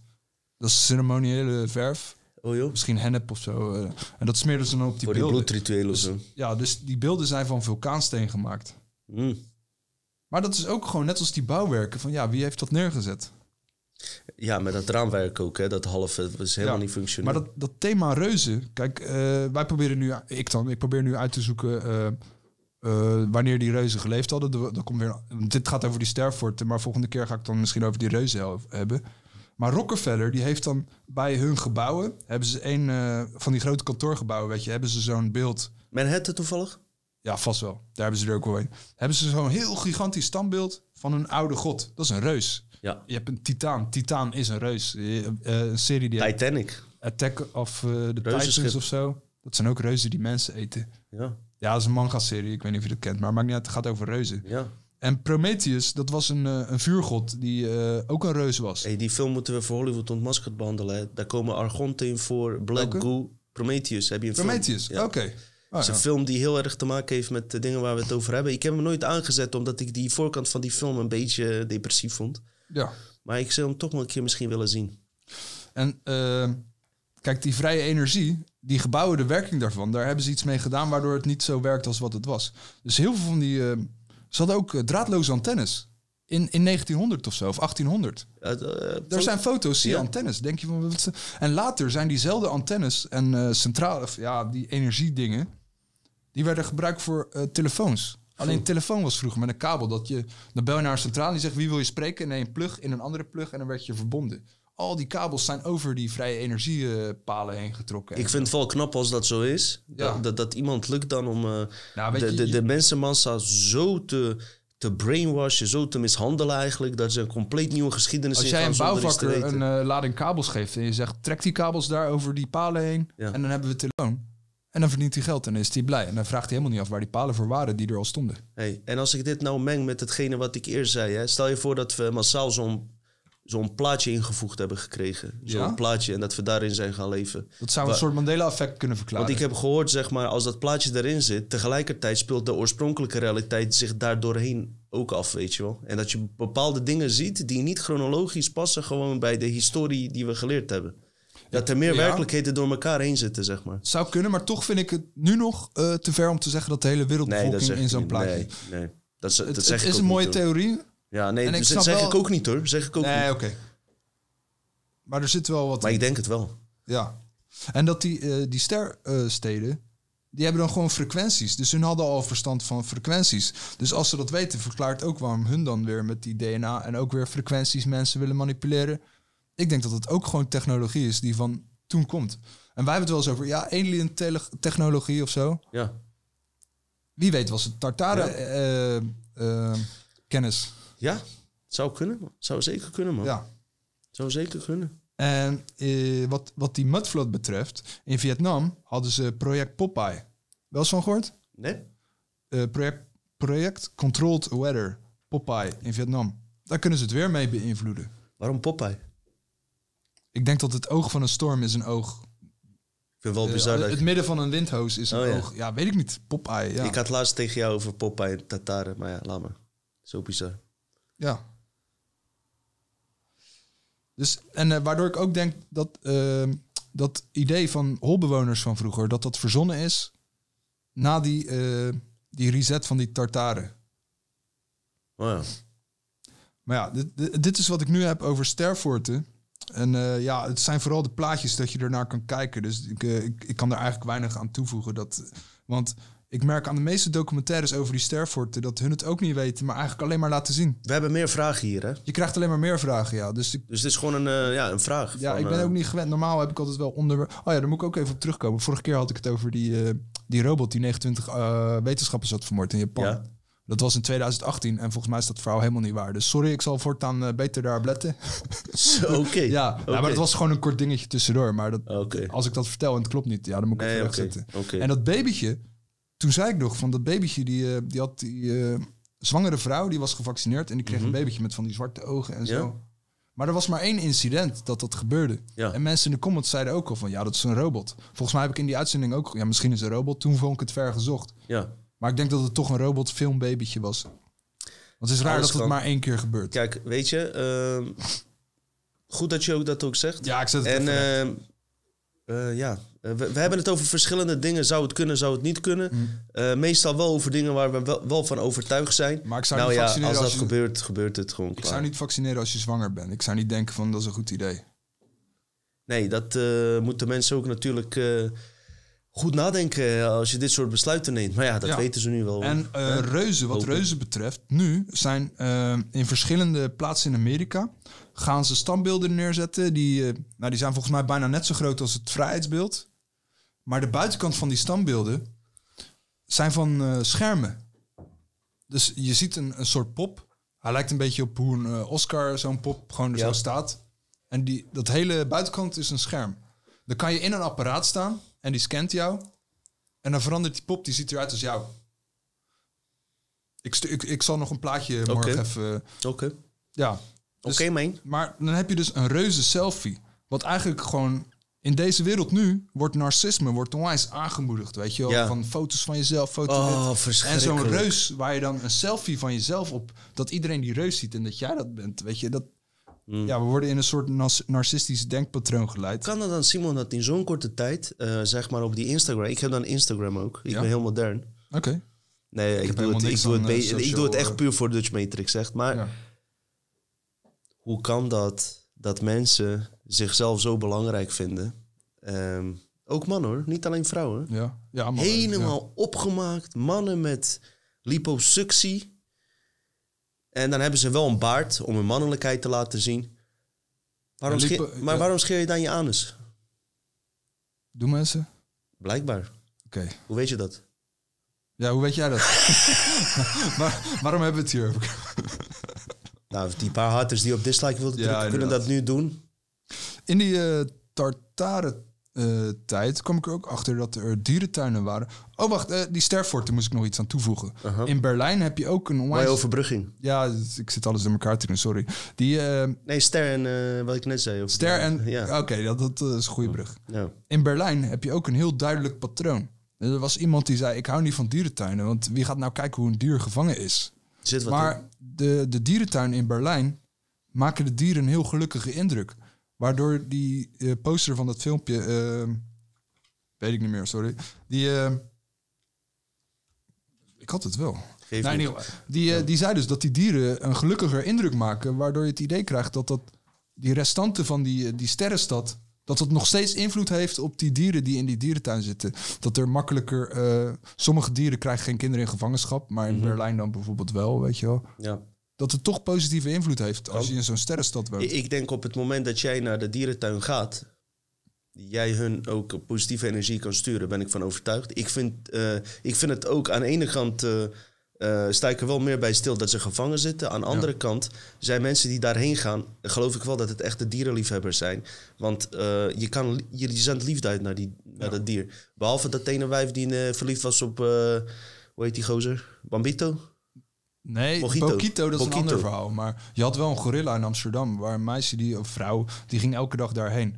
Maar dat, is- het is een soort apenversie van een kattenvrouwtje. Maar ik heb gehoord dat iemand die Bokito uitdaagde. Nou ja, weet je, we gaan niet van onderwerp af eh, Nee. Oké? Eh, ja, eh, zeker. Nee, maar in ieder geval, ik vind alleen dat mensen als ze naar dierentuin gaan... niet per se dierenbeulen zijn. Dat wil ik zeggen. Nee. Want ik, vind, Nou, ik vind het wel leuk om er morgen, te gaan. morgen ga ik naar het Dolfinarium. En denk ook van ja. Je hebt dus mensen die hebben als beroep dolfijnen aftrekken in Dolfinarium. Dat is een beroep. Die beesten hebben ook gewoon eh, daar behoefte aan. Wat zeg jij nou? Ja. Ik weet dat we van onderwerp afwijken, Dit maar hier weet ik wat wil je staat ook niet in weten. mijn boekje hoor. Ik wil het niet per se hierover Wacht hebben. even. Nee, vertel maar even tussendoor. Dat is wel interessant. Vo- Die dieren zitten, ja. vooral met corona toen, heb je minder bezoekers gehad. En die beesten moeten wel elke dag hun kunstjes doen. Die moeten iets doen, actief bezig blijven. Want dolfijnen kunnen onwijs depressief worden, omdat ze emotioneel slimmer zijn dan mensen. Kijk, ze kunnen geen wiskunde, wel, misschien ook wel, maar eh, ze hebben meer empathie dan mensen. Maar afgetrokken worden vinden ze dolfijn. Ja. Free Willy. Serieus? Maar die- ja, ik heb soms wel eens, eh, vind ik het zielig voor die dieren. Nee, maar hoe gaat het dan? Even serieus. Ja, niet, niet Ja, in ik niet, details. dat weet ik niet. Ik weet wel, er zijn bepaalde regels om eh, dolfijnen wel... eh, die moeten elke dag activiteit hebben. Maar kunnen ze gewoon niet een vrouwtje zetten dat ze gemeenschap met elkaar... Oké, nou ja, anders gaan we te veel van het onderwerp af, Ja. weet je. Ja, in ieder geval. Maar heel bizar, ik vond het wel een opmerkelijk iets dat dat Ja, bestaat. Maar dierentuinen, eh, vroeger had je mensendierentuinen. Huh? Ja. Zelfs die Geronimo, waar jij het nog wel eens over gehad hebt, daar heb ik Mhm. eh, van gelezen dat die ook in zo'n, ja, nu noemen we het reservaten, maar toen, je kan zelfs googlen eh, eh, Human Zoo, dan krijg je ook echt plaatjes. Dan hebben ze bijvoorbeeld eh, een Afrikaanse stam of zo, hebben ze een paar mensen meegenomen en die zetten ze in die dierentuin. Maar dan zeggen ze wel tegen die mensen, ja, doe even lekker extra barbaars, weet je wel? Alsof ze een soort... Zo'n circus. Ja, nee, ja, wel een dierentuin. Maar dan, dan kijk je van een afstand en dan zie je hun dan in hun... Ik snap. Archeon Oh, oh. zijn mensen verkleed als Romeinen. En dan Mhm. doen ze net alsof ze Romeinse in die hem. tijd zijn. Ja. Maar tegen die, eh, die mensen in die dierentuin... eh, hebben, werd er ook specifiek gezegd van gedraag je extra barbaars en Beetje acteren, dus. acteren. Theater. eh. Zodat eh, de mensen in die tijd zouden denken, hun zijn allemaal wilden. Eh, misschien heeft dat te maken om empathie weg te halen voor die mensen. Maar in ieder geval, die Geronimo, die heeft daar ook gewoond. En dan, ja... De, in die reservaat? Of eh, ja, weet ik veel. dat eh. was een dierentuin. Joh. Ja. Nou ja, is, eh, de- deze hele wereld is eh dierentuin, weet je. Is Ja. bizar geworden. Maar ik denk dat het ook een, een onderdeel was van de geschiedenis veranderen. Dus in die Mhm. tijd van die modflood eh, hebben ze gewoon ons, alles, alle kennis van de mensheid hebben ze gewoon weggehaald bij ons. En wij zijn nu in het jaar 2021 zijn we nu op dit punt. En eh, sommige mensen zijn verder, sommige minder ver, sommigen moeten nog wakker worden. Maar onbewust begint bij mensen toch te knagen van... nee, dit is niet onze echte eh, kennis. We- weet je waarom ik dit eh, hier voor open sta, wat je nu allemaal zegt? Ja. Kijk, ik kan het niet bevestigen, maar waarom ik er zeker wel voor open sta... hoeveel bewijzen hebben wij nou van ons verleden? Ja. We hebben video's die werken 150 jaar. En zelfs daar zijn interessante dingen uit te halen. Je hebt fotografie. Nou, je hebt schil, eh, mensen die schilderden, schilderden bepaalde dingen. Waar ook ufo's bijvoorbeeld schilderden. Daar kan je ook weer vragen over stellen. Maar hoeveel tastbaar bewijs heb je eigenlijk? Eh, Theoretisch gezien, wat je allemaal zegt, het zou zomaar kunnen. Eh degene die de macht hebben, die herschrijven de geschiedenis. Die zetten alles op alles in. Die hebben al kennis over de mind control en hoe een eh, psychologisch brein werkt. Want als ze die kennis hebben van die eh, geometrieën, weten Ja. ze ook heus wel hoe, eh, hoe dat invloed op menselijk brein heeft. Ja. Weet je? En daar kan je wel die buitenaardse intelligenties bij betrekken die ze dat misschien geleerd hebben. Weet je? Of eh, eh, secret societies die eh, van vader op zoon dat soort kennis doorgepast hebben. Simon, ik weet er niet veel vanaf. Ik sta er voor open en ik acht het zeker Ja, ik- mogelijk, ik, man. ga nog verder hierin. Ik acht het zeker mogelijk, moment, eh, tot, wat ik nu, tot nu toe allemaal heb onderzocht, is eigenlijk mensen die op YouTube of ergens anders, eh, soms op andere websites, dan wordt er eigenlijk gewoon gezegd: hey, kijk eens naar dit. hey, kijk eens naar dat. Zonder dat er echt eh, mensen proberen dan een oplossing te vinden. Maar je hebt nog geen oplossing waarvan je kan zeggen van... ja, dit, dit is echt hoe het is gegaan. Dus misschien kom ik daar nog op. We zijn al aan het onderzoeken. En, Kijk, eh, nu, nu heb ik niet zoveel over de lengte, over hoe groot die mensen waren en zo, weet je wel. Ik liep laatst ook in Leiden bij die kerk, die heeft zo'n een deur van 4 meter, weet je wel. Dat gebouw is ook eh, meer dan 200 jaar oud. Even kijken in eh, Bre- gewoon... In. Groningen heb je ook dat die, die heb je Café de Kelder, maar dat is helemaal geen kelder. Dat was origineel de eerste verdieping.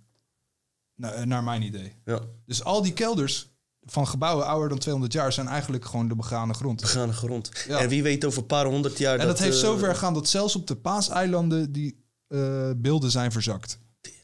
Ja, dus Dit, dit is typisch een onderwerp waar, je- waar, waar je twee eh, eh, archeologen naast, naast elkaar zou moeten zeggen. Eentje met open mind, eentje met kritische mind. Die hier eens een keer over gaan discussiëren. En je hebt publiek die hiernaar wil kijken.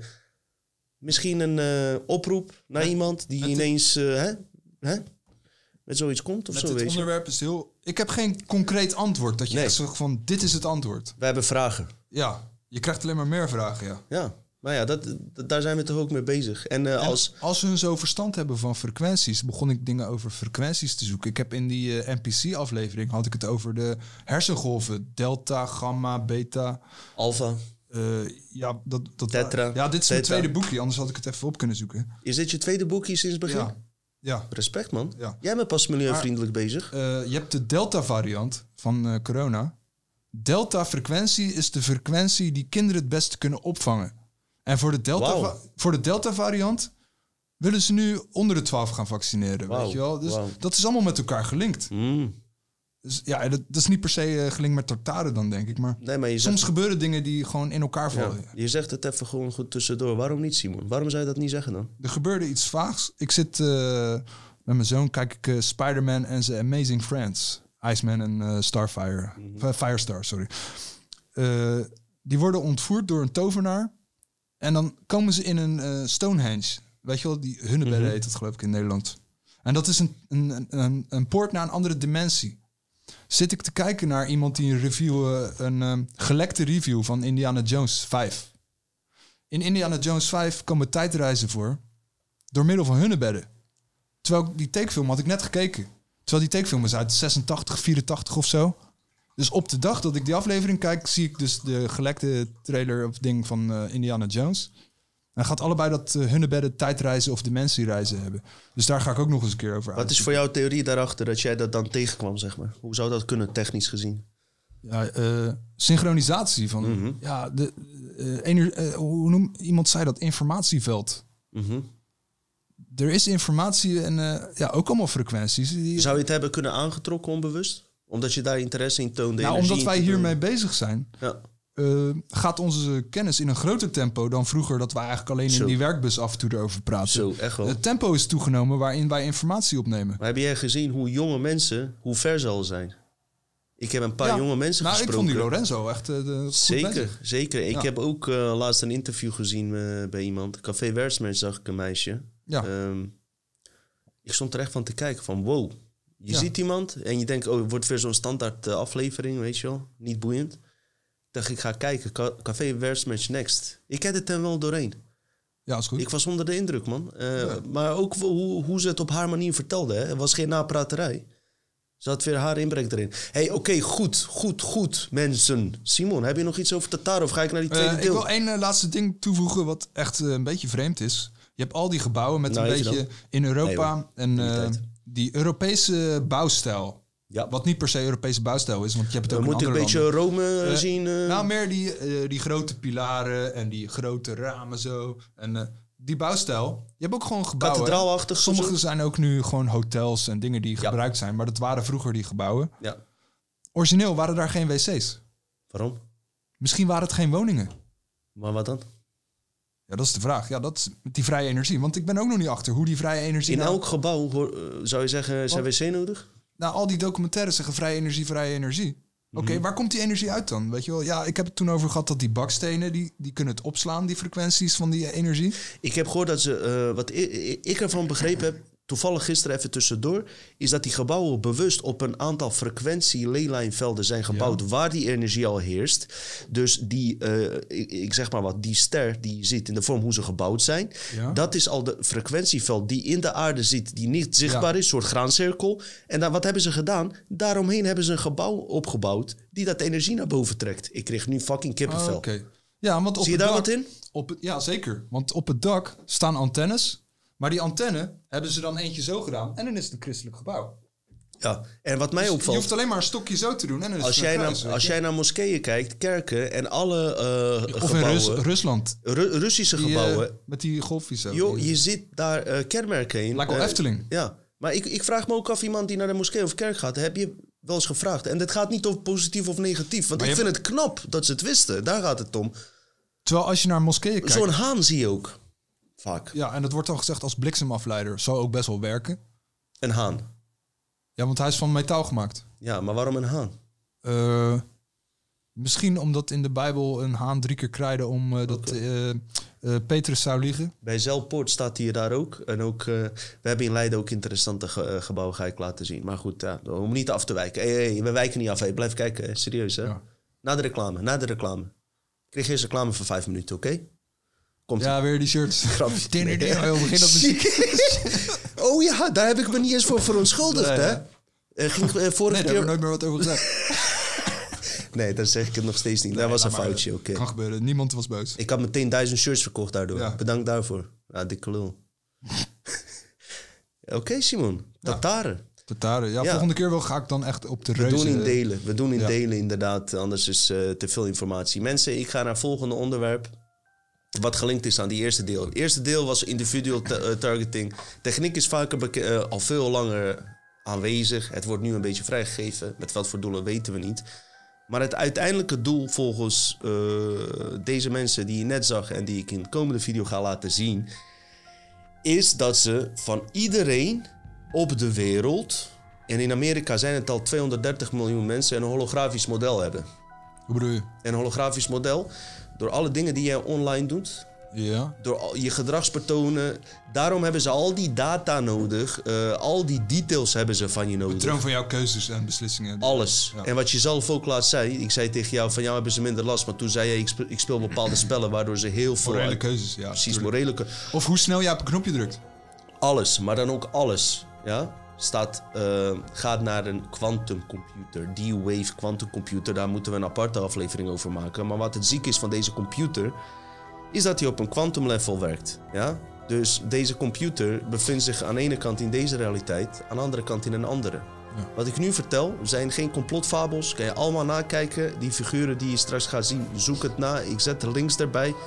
Heel veel dingen zijn eh, dingen die ik niet kan bewijzen. Dit zijn allemaal dingen die de bewijzen zijn die door directeuren van D-Wave eh, Computer worden bevestigd. Via die D-Wave Computer zijn ze in meer dan 2000 dimensies geweest. Waarom? Wat zegt kwantumfysica? Als je atoom in tweeën splitst, eentje bevindt zich in de matrix, terwijl de andere miljarden kilometer verderop kan zijn of in een andere dimensie en met elkaar kan communiceren. Ja, daar Ja? heb ik wel eens van gehoord. Je verandert de een naar plus, de ander gaat naar min. Ja. Ja? Proton, neutron. Zon- zonder zonder eh, tijdsvertraging hebben ze contact met elkaar. Dus wat hebben ze gedaan? Zij noemen zelf resources eh, eh, zoeken. Ze zijn naar andere dimensies gegaan met die computer. En wat doen ze dan? Ze reizen niet als persoon nog daarheen. Dit zijn allemaal openbare projecten trouwens. Hè? Hebben we het niet over Montauk Project, al die Black Projects hè? Die, die, die geheim zijn. Ik zeg wat nu vrijgegeven wordt, is al bizar. Dus elke scepticus die eh, naar standaard podcasten kijkt, die tot politiek level gaan, die bewijs wil zien, die moet hier echt op ingaan. Ik vind het echt belangrijk. Niet voor mijn eigen ego, voor ons allen om dit te begrijpen, want dit is een essentieel punt. Die computers gaan andere dimensies in, halen daar eh, informatie uit, brengen het hierheen. En daar zijn ze een beetje mee bezig. Maar die quantumcomputers werken gewoon triljarden, triljarden keren sneller dan normale computers. Die worden dus gebruikt nu om die modellen van iedereen, en in Amerika zijn het dus 230 miljoen mensen, om die rustig in kaart te brengen. En ik ga het straks uitbouwen waar ik hierheen, eh, wat ik hierheen wil. Uiteindelijk het doel is een tweede aarde maken, een kopie van deze aarde. Ja, met In een al- computer. In een computer. Dat hebben ze al gedaan. Dit is al gaande. En van elk persoon. Ze hebben nu wel, wel wat gegevens, maar tot diepste details gegevens. En jij krijgt een holografische tweeling. Dus er is dan ook een Simon in die wereld. Die is er al nu. Ga daar maar vanuit. En het dino en van iedereen. Die persoon eh, eh, in die wereld Maar als je heeft bewijs veel... van eh, niks met je telefoon doet en niks met je computer. Nog steeds. Ze meten je af via hersengolflengte, pornofilms die je kijkt... of weet ik veel wat je allemaal Ja, maar dat is via je computer. Als jij een videoband gebruikt, niet. Ehm, weet ik niet. Maar Oké, ik durf hier niet op in te. Maar je zei net zelf bijvoorbeeld eh, videospellen speel je, ja? Heb je morele keuzes? Nee, maar ik bedoel meneer, stel dat ik dat allemaal niet zou doen. Dat ik op een eiland woon en Eh, ja. ik, eh, ik ga alleen Ehm, vissen en... eh, Ehm, durf ik niet op te antwoorden. Oké. Durf ik niet te zeggen. Wat ik wel, laat ik, het- laat ik dit antwoord geven. Die intelligenties die ons hier in deze matrix houden, die Anunnaki, die, die weten het wel. Want dat gaat via een neurologisch brein. Daar gaan we straks naartoe. Dat wordt de conclusie. Die hebben het wel door. Deze techniek wat ze hier vrijgeven, waar ik het nu specifiek over heb, durf ik geen antwoord op te geven. De bedoeling is tweede aarde maken, met een Simon erin, met een Dino erin, met al jouw karaktereigenschappen. Dus als, eh, nu is het nog vrij beperkt. Als de techniek zich nog meer uitwerkt, zal het steeds meer jouw karakter gaan vormen. Sterker nog, ze willen er naartoe dat dat de primaire wereld wordt en dat deze wereld en dit lichaam steeds meer en meer vervaagt. Een soort sur surrogates, nee, is geen goed voorbeeld. Dit gaat via een holografische versie. Kom ik zo op terug. Matrix. Ja, precies. Daarom hebben we het hier over. Maar eh, als in de fysieke wereld niemand bestaat, dan, dan bestaat er toch eigenlijk niks. Klopt, maar ze gaan je laten denken dat er in de fysieke wereld niemand bestaat. Maar je ligt gewoon net als Cartman in die eh South Park aflevering met 30 pizza's om je heen ingelogd al jaren erin. Ja, Snap je? Inception. eh. Precies, maar wat ze ook dus kunnen doen, wat ik net al zei. Jij kan 10 seconden ingelegd zijn, eh, ingelogd zijn en daar een leven van 100 jaar leven. In die holografische werkelijkheid, Ja, bewijzen van. Ja, maar dat is geen echt leven. Dat denk je. Maar ze gaan het zo echt maken dat, die, eh, dat dat leven belangrijk wordt dan dit leven. Het is nu al met Instagram. Hoeveel mensen vinden hun Instagram-account belangrijker? Laten we het heel, heel simpel houden. Dan hun leven hier. Op Instagram moeten ze altijd goed uitzien. Staan de mooiste foto's. Ja?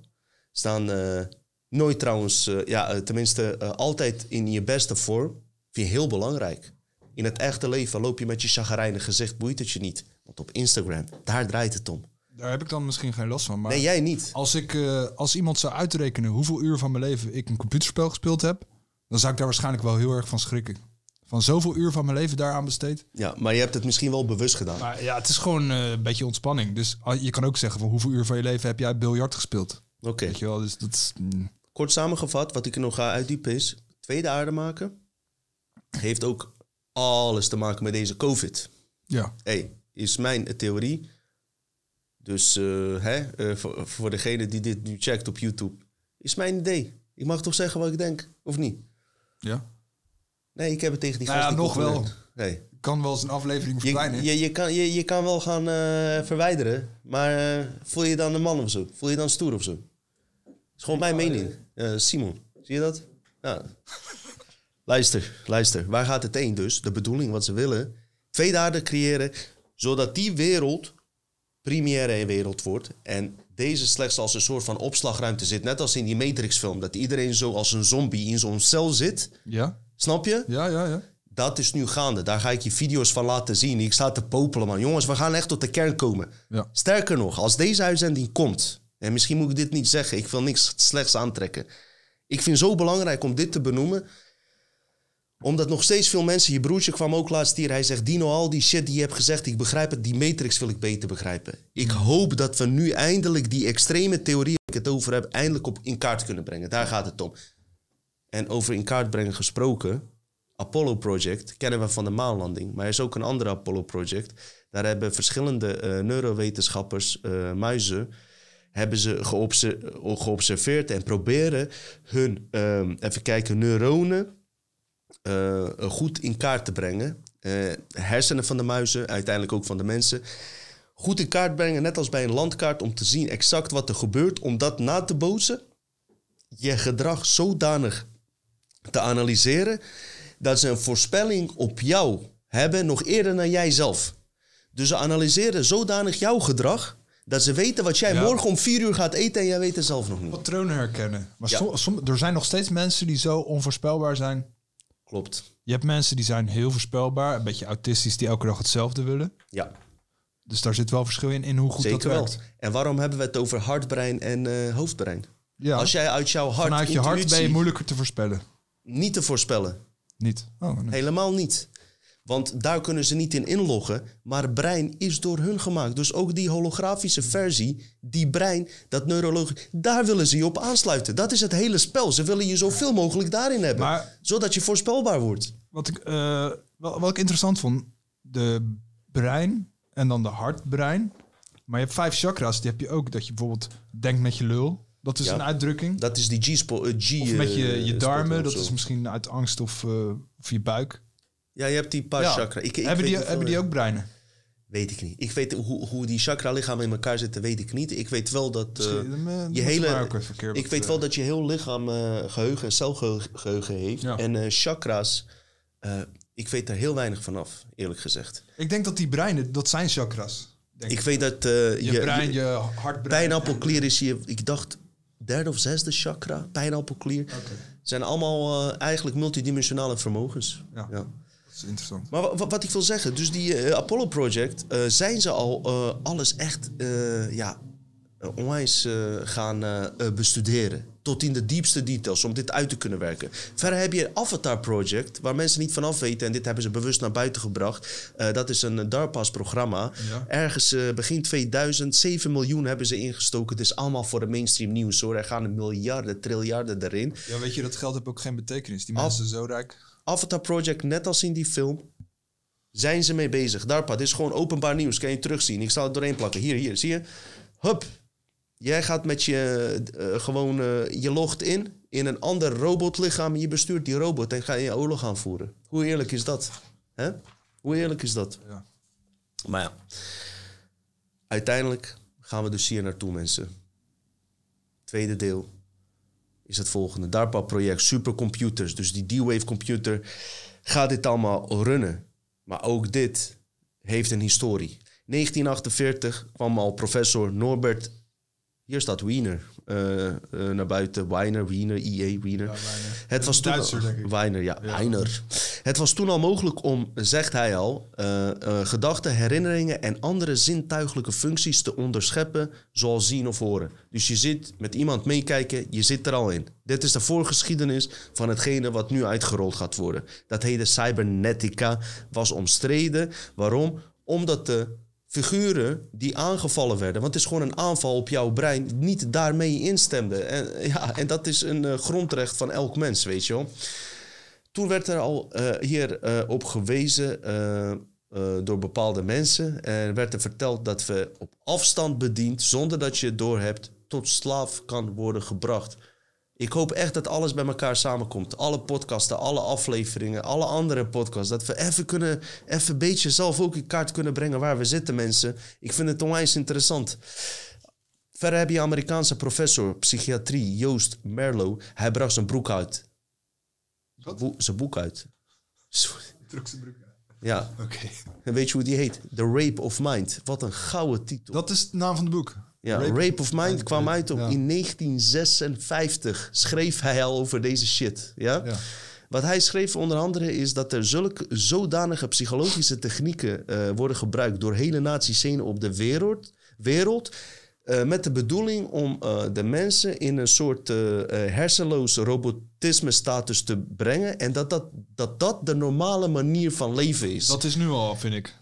Waar- waarom heb ik dat over? Ze hebben over 1984. Dit is 1956. Maar 1984 is ook in een ander jaar geschreven. jaar nee, was dat is niet in... eh Waarin is het geschreven? eh, Eh, 50, shit, 60? George Orwell. Ja, die, die was... Later. Ja. Veel vroeger, sorry. Is Het was gezegd. toen een toekomstboek. Ja. maar dit ook, 1956, wat deze man schreef. Want Back to the Future, als je nu die film kijkt, die jaren zijn al geweest. Weet je wel, dus, dus dat boek is zo oud dat het geen toekomst meer is. Mhm. Nee. Maar we gaan er al in. Wat ik ermee wil zeggen, deze techniek, hier is over geschreven al decennia lang. En het is zelfs zo ver gegaan dat de ethische raad van eh Europese Unie, toen was eh Zweedse professor Hermeren voorzitter 2005. En eh, hij deed toen een uitspraak. Implantaten die worden gebruikt om de identiteit en geheugen, zelfperceptie en perceptie van anderen te veranderen, zouden verboden moeten worden. Heel poëtisch. Alles gerund dus door een, door een quantumcomputer. En we zitten er nu in, mensen. We zitten er nu in. Ik wil niet als Alex Jones klinken. En zelfs Alex Jones heeft in Joe Rogan's afleveringen hiernaar gerefereerd.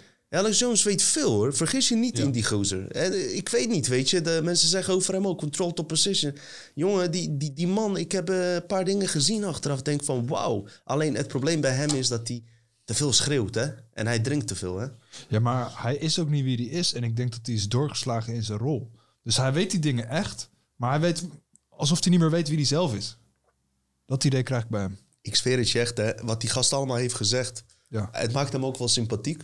Ik zou het zelf nooit doen. Maar hij weet wel veel. Het is een machine hoor. Heb je gezien Ja. bij Joe Rogan? Vier, eh, hij zat daar hoeveel? Drie, vier uur. Hij was achter elkaar zonder blaadjes. Pap, pap, pap, pam. Joe Rogan stond perplex. En Joe Rogan is een hele slimme man hè. Hij kon er misschien op 20, 30 procent dingen pakken. Maar op die andere 70 procent kon hij niks zeggen. Toen hebben ze een video gemaakt van wat Elon Musk allemaal zei bij Joe Rogan.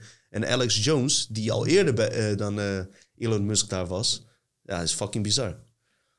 Ja. Nee, ik ben niet grote fan van eh, Alex Jones, maar ik vind, nou, hem wel, fan, ik, ben, ik, ben, ik vind hem wel grappig. Het is een, een raar fenomeen, die vent. Want ik denk ook dat hij helemaal niet is wie die is. Maar hij, hij vertelt wel dingen die je kan factchecken, weet je wel. Ja. Ik denk dat hij... ehm, ja, hoe moet je dat zeggen? Ehm, hij moet voor de overheid acteren dat hij een complotgekkie is. Hij speelt die, zo rol, die rol speelt hij zo goed dat hij echt een complotgekkie is. Ja. Waarom Dat niet Het is een beetje een paradoxale Ja. vent. Ja.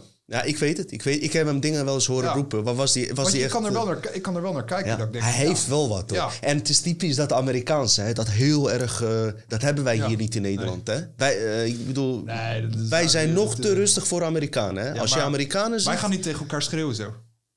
Nee, maar die Amerikanen, die, die gaan daarna gewoon een drankje drinken en dan is het goed. Dan hebben ze een rol gespeeld. Ja, maar ze roken ook joints. Dus Ik vind dat wel trouwens, eh, voor alle Nederlandse kijkers, vind ik zo fijn dat Nederlanders zulke nuchtere mensen zijn. Hè? Weet je? Ze- Dat, eh, dat deel van Nederland. ook eh, dat er nog zoveel restanten van Sterford te zijn. Maar Ja, ja, dat- dat, dat vind ik zo mooi aan Nederlandse volk. Ja, ja dat, dat, dat ze gewoon nuchter zijn. De Amerikanen hebben een American dream en zo. Maar wij houden van onderwerp. Eh, luister.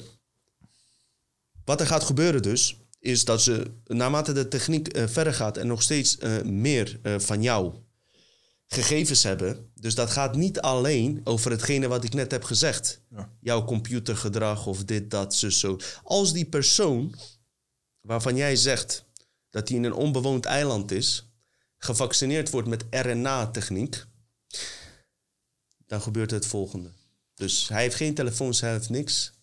Dan hebben ze een project, of project, ze noemen het MIND. En dat is een magnetisch geïntegreerde neuronduplicator. MIND.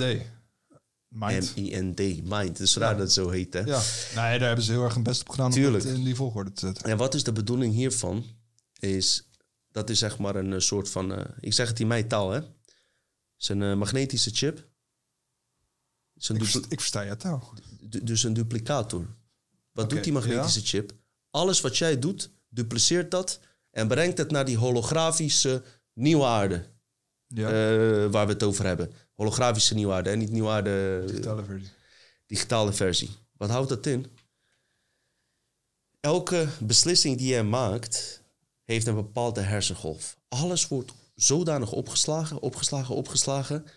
En naarmate de tijd verstrijkt, weten ze nog eerder in die wereld wat jij gaat doen dan jij zelf hier. Hoe je ergens op zou reageren. Ja. En wat ze dan kunnen doen, zeggen ze met die techniek, dat zegt die insider. Bestuderen. Precies. Alsof je voorleest hier, man. Dus ze bestuderen die gedragspatronen. En als zij bijvoorbeeld bij een politicus denken... morgen gaat hij eh, toch deze beslissing nemen... kunnen zij weer invoegingen doen... waardoor het toch weer iets anders eh, gaat gebeuren. En als het eh, steeds nauwkeuriger en steeds beter wordt... gaat het steeds meer de primaire behoeften van de mens betreden. Dus, één voorbeeld. Je hebt een telefoon. Die bedenk ik nu ter plekke. Je hebt telefoon. Toen we die eh, oude Nokia's hadden... was het gewoon bellen Ja. waren we al blij mee. Je kon later sms versturen, fijn. Kom naar Bushalt. Kom naar Bushaltas hebben. Op een gegeven moment kwamen die fucking smartphones. Ineens zag je vrouwen ook achter de telefoons. Vroeger gingen vrouwen niet achter de telefoon zitten. Die waren gewoon aan het koken, weet je. Nee, grapje. Nou, ze zaten wel met die huistelefoons gewoon. Ja, toen zaten ze met de glazenwasser. Te, je weet toch, eh, die oude verhalen. En met, met de melkboer. Nee, is geen melkboer meer. Nu is het TPG-bezorger. Die je pakjes komt brengen uit Syrië. Ha, daar moet je nu al vooruit kijken. Niet meer Ja, de melkboer. Maar als Nederlander zie je wel dat het je zo niet is nu. Nou, dan kan je nu, als dat gebeurd is, kan je het eh, verklaren. Moet je zeggen dat je genetische manipulatie, eh, dat je daar slachtoffer van bent. Individual targeting. Ja. Dat je daarom... eh, DNA-restant. Ja, daarom weet je. Dus als je een buitenlands kind krijgt als Nederlands echt, echtpaar... kan je dat als vrouw zijnde zo gebruiken, weet je. Zo heb je nog wat aan de aflevering. Nee, joh, geintje, joh. Hey. Stamt af van... Jij, hè. Doe even normaal, joh. Al op 1 minuut 42. Oh, dit wordt een dikke aflevering. Waar ik, wil, wil ik mee heen?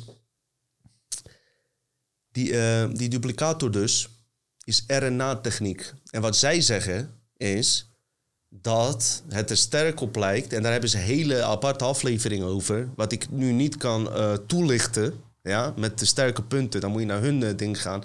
Zij zeggen dat die duplicator in die RNA-vaccin zit die nu komt. Ja, waarom niet? Hè? Je moet het er ergens in doen. Ik zeg niet dat het zo is, maar ja. stel je voor dat die duplicator, die RNA-techniek, want zij hebben het over RNA-techniek al vijf jaar, kun je allemaal terugvinden, allemaal oude video's. In die vaccin zegt, ga nou niet allemaal eh, massaal lopen trippen van oh, we gaan er allemaal aan. Dat is het dus niet. Ik wil alleen vertellen dat wij ervoor gaan zorgen dat dit niet gaat gebeuren. En als je dit überhaupt al beseft, gebeurt er niks. Oké? Maar stel je voor dat die in die eh, vaccin zou zitten, dan, zou, dan hebben zij dus eh, al jouw gegevens, al jouw gedragspatronen worden gedupliceerd via eh, die magneet, doorgepast naar die D-Wave quantum computer, ja, waardoor ze naarmate de tijd verstrijkt al jouw gedragspatronen hebben, alles wat ze hebben, naarmate de tijd verstrijkt, wordt die wereld veel interessanter ook, ook voor jou zelf. Je luistert in. Ze gaan je niet dwingen. Je luistert er zelf in, omdat er heel veel mooie dingen in gaan. overgehaald om dat leuker te vinden. Tuurlijk, want daar heb je wel het gewicht dat jij wil hebben. Net als dat je een chip in je hand doet om te betalen. Was zo makkelijk, joh. Oh ja, maar dat is, dat is nog niks. Daar heb je bijvoorbeeld. Nee, maar als een simpel voorbeeld. Als jij altijd eh, bijvoorbeeld eh, eh, een goddelijk lichaam hebt gewild, daar heb je het, weet je wel. En net wat ik net zei, gezondheid. Ja, waarheid. In, in, in Joegoslavië zeggen ze, als iemand gaat niezen als je praat, dat is de waarheid. En dat is ook een liedje van Marco Borsato. En als een vlieg op je hoofd gaat zitten, ligt je. Een vlieg. Een strontvlieg.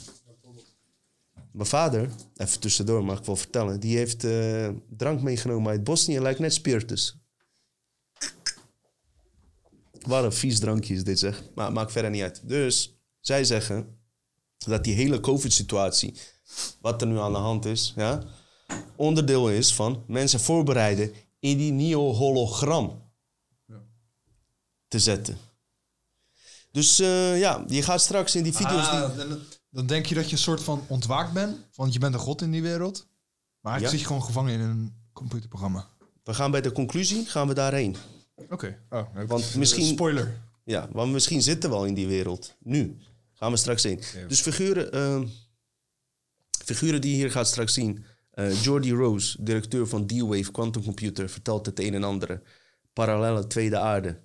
Ehm, er is ook iets als Human Connectome Project, ehm, waar ze al mee be- bezig zijn. En eh, dat is een nieuwe versie van eh, je hele hersencapaciteit in kaart brengen. En eh, om, om later interface te kunnen hebben. Echt real life, weet je. Dat je gewoon verschil niet ziet hoe wij nou hier zitten. Ja. En als je ingelogd bent, dat je gewoon bijna niet weet, al zou je geheugen worden gewist, zo echt dat het wordt. Oh, je zintuigen aangesloten. Zeker. En ze hebben dat onderzocht. En nou komt er echt iets bizars, wat met die Tataren ook... Dit is niet voorbereid. Oké. Ze hebben hersencircuits hebben ze in kaart gebracht en onderzocht. En letterlijk in kaart gebracht. En weet je waar het op leek? Ja. Op de kaartconstructie van Manhattan in Amerika. Oké. Ik heb wel eens gedroomd dat ik in Manhattan was. Mm. Maar hoe kon ik weten dat Manhattan was? Want ik ben daar nooit geweest. Maakt niet uit. maar dat het daar blijkt op de stad Manhattan. Ik ga Ja. eens een keer die, eh, die landkaart van Manhattan... Nou, ze gaven eh, dat als voorbeeld. Het was zo geordend via dezelfde structuren. En ze zeggen als je het met bijvoorbeeld kaart van eh, Londen vergeleek, dan ging dat niet ingepaard. Heel vaag, heel vaag. Maar waar het op neerkomt, is dat er nu al, volgens deze mensen, die je straks gaat zien, 230 miljoen mensen, alleen al in Amerika, in een model zitten al. Ze beginnen Amerika eigen land waarschijnlijk. Er is al een holografisch eh, eh, eh, profiel. En gede- vrij gedetailleerd, wat nog veel groter gaat worden. Van 230 miljoen mensen in Amerika gaan. En in Amerika wonen 300 miljoen mensen of zo? 350. Weet ik niet. Dat het al is begonnen. En het wordt met de dag mee Maar- steeds intelligenter en steeds geavanceerder. Is dat te openen? Dus dat je bijvoorbeeld dat programmaatje opent en dat je op je scherm ook ziet? Of Hoe is het het alleen tekst en nulletjes en eentjes? Hoe ze het gaan uitrollen. Ja. Hoe, hoe dit gaat komen, weet ik niet. Dat wil ik zeggen, één. Twee, de vraag is of dit überhaupt zal komen. Want als wij massaal met onze gedachten ergens anders heen gaan, wordt deze agenda niet uitgerold. Maar ik vind het belangrijk dat mensen weer dat besef hebben. Waarom? Want waar wil ik later heen is van... Zitten we nu al niet in zo'n wereld? En dat is de cliffhanger. Ja. Ja. En dan moet nu verdomme tijd dat ik even wat laat zien, of niet, Simon? Ja, leuk man. Deze wereld voelt wel echt zo echt. Ja. Maar je droom ook. Ja. Dus ja, ik kan dan niet zeggen van dit is Maar wel- weet jij hoe je oorspronkelijke wereld voelt? Nee. Nee. Hoe weet je dan dat deze echt voelt? Dat is de vraag. Dat is de vraag van de Dutch Matrix. Dutch Matrix, eh, vierde deel komt uit. Dat is wel grappig. Nieuwe Matrix Van Dutch komt. Matrix? Nee. Nieuwe Ik Matrix film We hebben komt. vorige keer samen de trailer gekeken. man. Ja, nieuwe Matrix film komt. Maar we belanden zelf ook in een nieuwe Matrix. Watch the show, wou ik bijna zeggen. Kijk naar deze interessante mensen Ja, die want die straks... Neo eh, is alles weer vergeten. Dus hij begint een soort van opnieuw. Die trailer zag er wel vet uit hoor, Simon. Ja. Ja, hè? Hoop ik niet dat hij te woke is. Ik hoop alleen niet dat er te veel van die eh, nieuwe school liedjes komen met die rare echo-geluiden. Nou, ik heb een paar spoilers gehoord, maar ik, ik weet niet. eh, Vertel ik na de aflevering wel. Prima. Want ik wil niet voor mensen verpesten. Maar er zit iets. Ja, ik vertelde jou eigenlijk. Ik wil niet voor. Ik wil niet voor mensen die film verpesten. Maar er zit iets Heb in. je die waar- video gezien dan? Nee, ik. eh, je- Hou hem vast voor Hollywood Ontmaskerd. Is dat Ja, een is goed, idee? ja. Hou hem vast. Hou hem vast. Als hij niet meer weet, zet maar in de reacties. Mensen, ik laat jullie even eh, een video zien en Simon ook. eh, waar, ik, waar, ja, waar ik het eigenlijk over heb. Van mensen die het goed eh, in kaart kunnen brengen en kun, eh, kunnen verwoorden. Omdat het nogal eh, gecomplice- gecompliceerde dingen zijn die wel te begrijpen zijn. Maar het is beter als zij het vertellen, oké? Komt eraan. This. This isn't real. What is real? How do you define real? If you're talking about what you can feel, what you can smell, you can taste and see, then real is simply electrical signals interpreted by your brain. If we have algorithms that stimulate the right things and give it the right data, they could reprogram you in a way without you even knowing it. It- We call it hallucinating, right? But these would be controlled uh, hallucinations run by algorithms. So you think you're in control of your own will, but it's actually some evil AI or evil people controlling everything we do, and we're more like zombies, you know? Like we think we're free and we're not actually free. It is called the Sentient World Simulation. The program's aim, according to its creator, is to be a continuously running, continually updated mirror model of the entire planet, complete with billions of nodes representing every person on the Earth. Targets and mind control victims have their minds linked up for life with conscious supercomputers, which send a steady stream of bidirectional, low frequency electromagnetic radiation to the target's brain. They claim they've modeled the personality of every adult in the United States, 230 million people. And SCL, the mothership group, they do work in any number of countries. They're involved in uh, politics in many countries. They put together a micro shot personality assessment for everyone. M's are very much like humans, but they are not like the typical human. The typical M is a copy of the few hundred most productive humans. If you construct a model of the human brain, you can then plug people into this hive mind.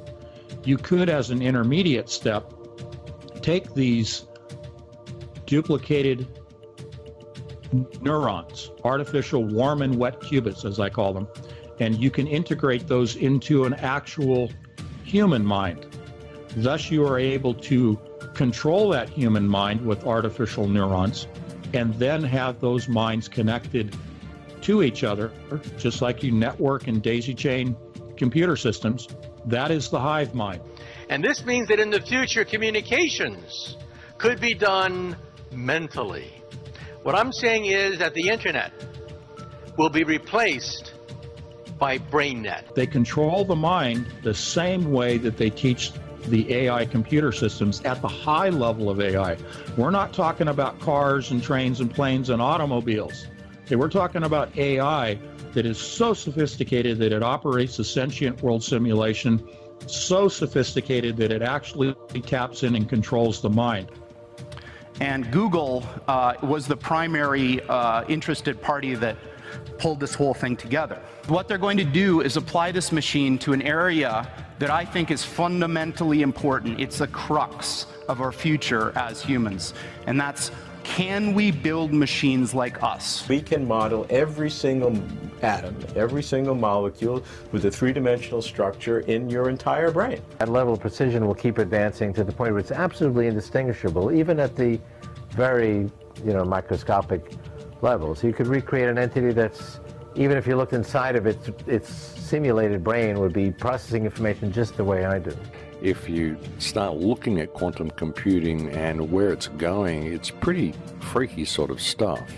And thinking about the world as an electrical universe and the fact that we are energetic electrical beings, that's how we work. Everything is electrical. Every signal that runs through our body is electricity.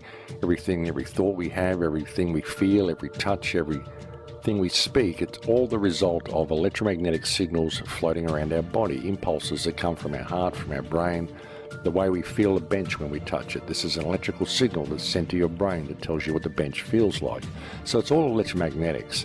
It's all firing of electromagnetism through our synapses and all this sort of stuff. The adiabatic quantum computer is linked to 7 billion human brains. It is now, in its own language of cryptology, able to function independent of any oversight throughout the world with its own form of communication, its own form of code. And it is able to link everyone on the planet at this point.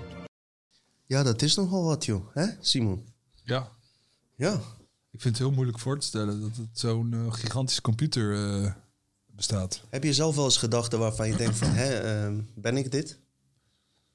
Uh, ja. Heb je wel eens gedachten dat, uh, zeg maar, in een uh, emotionele bui, en ik praat nu vanaf mezelf uit, kijk of jij dat ook hebt, en dat je iets denkt of roept, en dag later slaap je een nachtje over, denk je van, hé, waarom heb ik dit allemaal gezegd? Ik ja, zie het nu als helemaal je anders. hebt gerookt, dan denk ja. je, ja, het sloeg eigenlijk nergens. Ja, He, ja. ja. Dus. Ook toen ik bouwvakker was, was ik wel eens op hoge dingen en zo.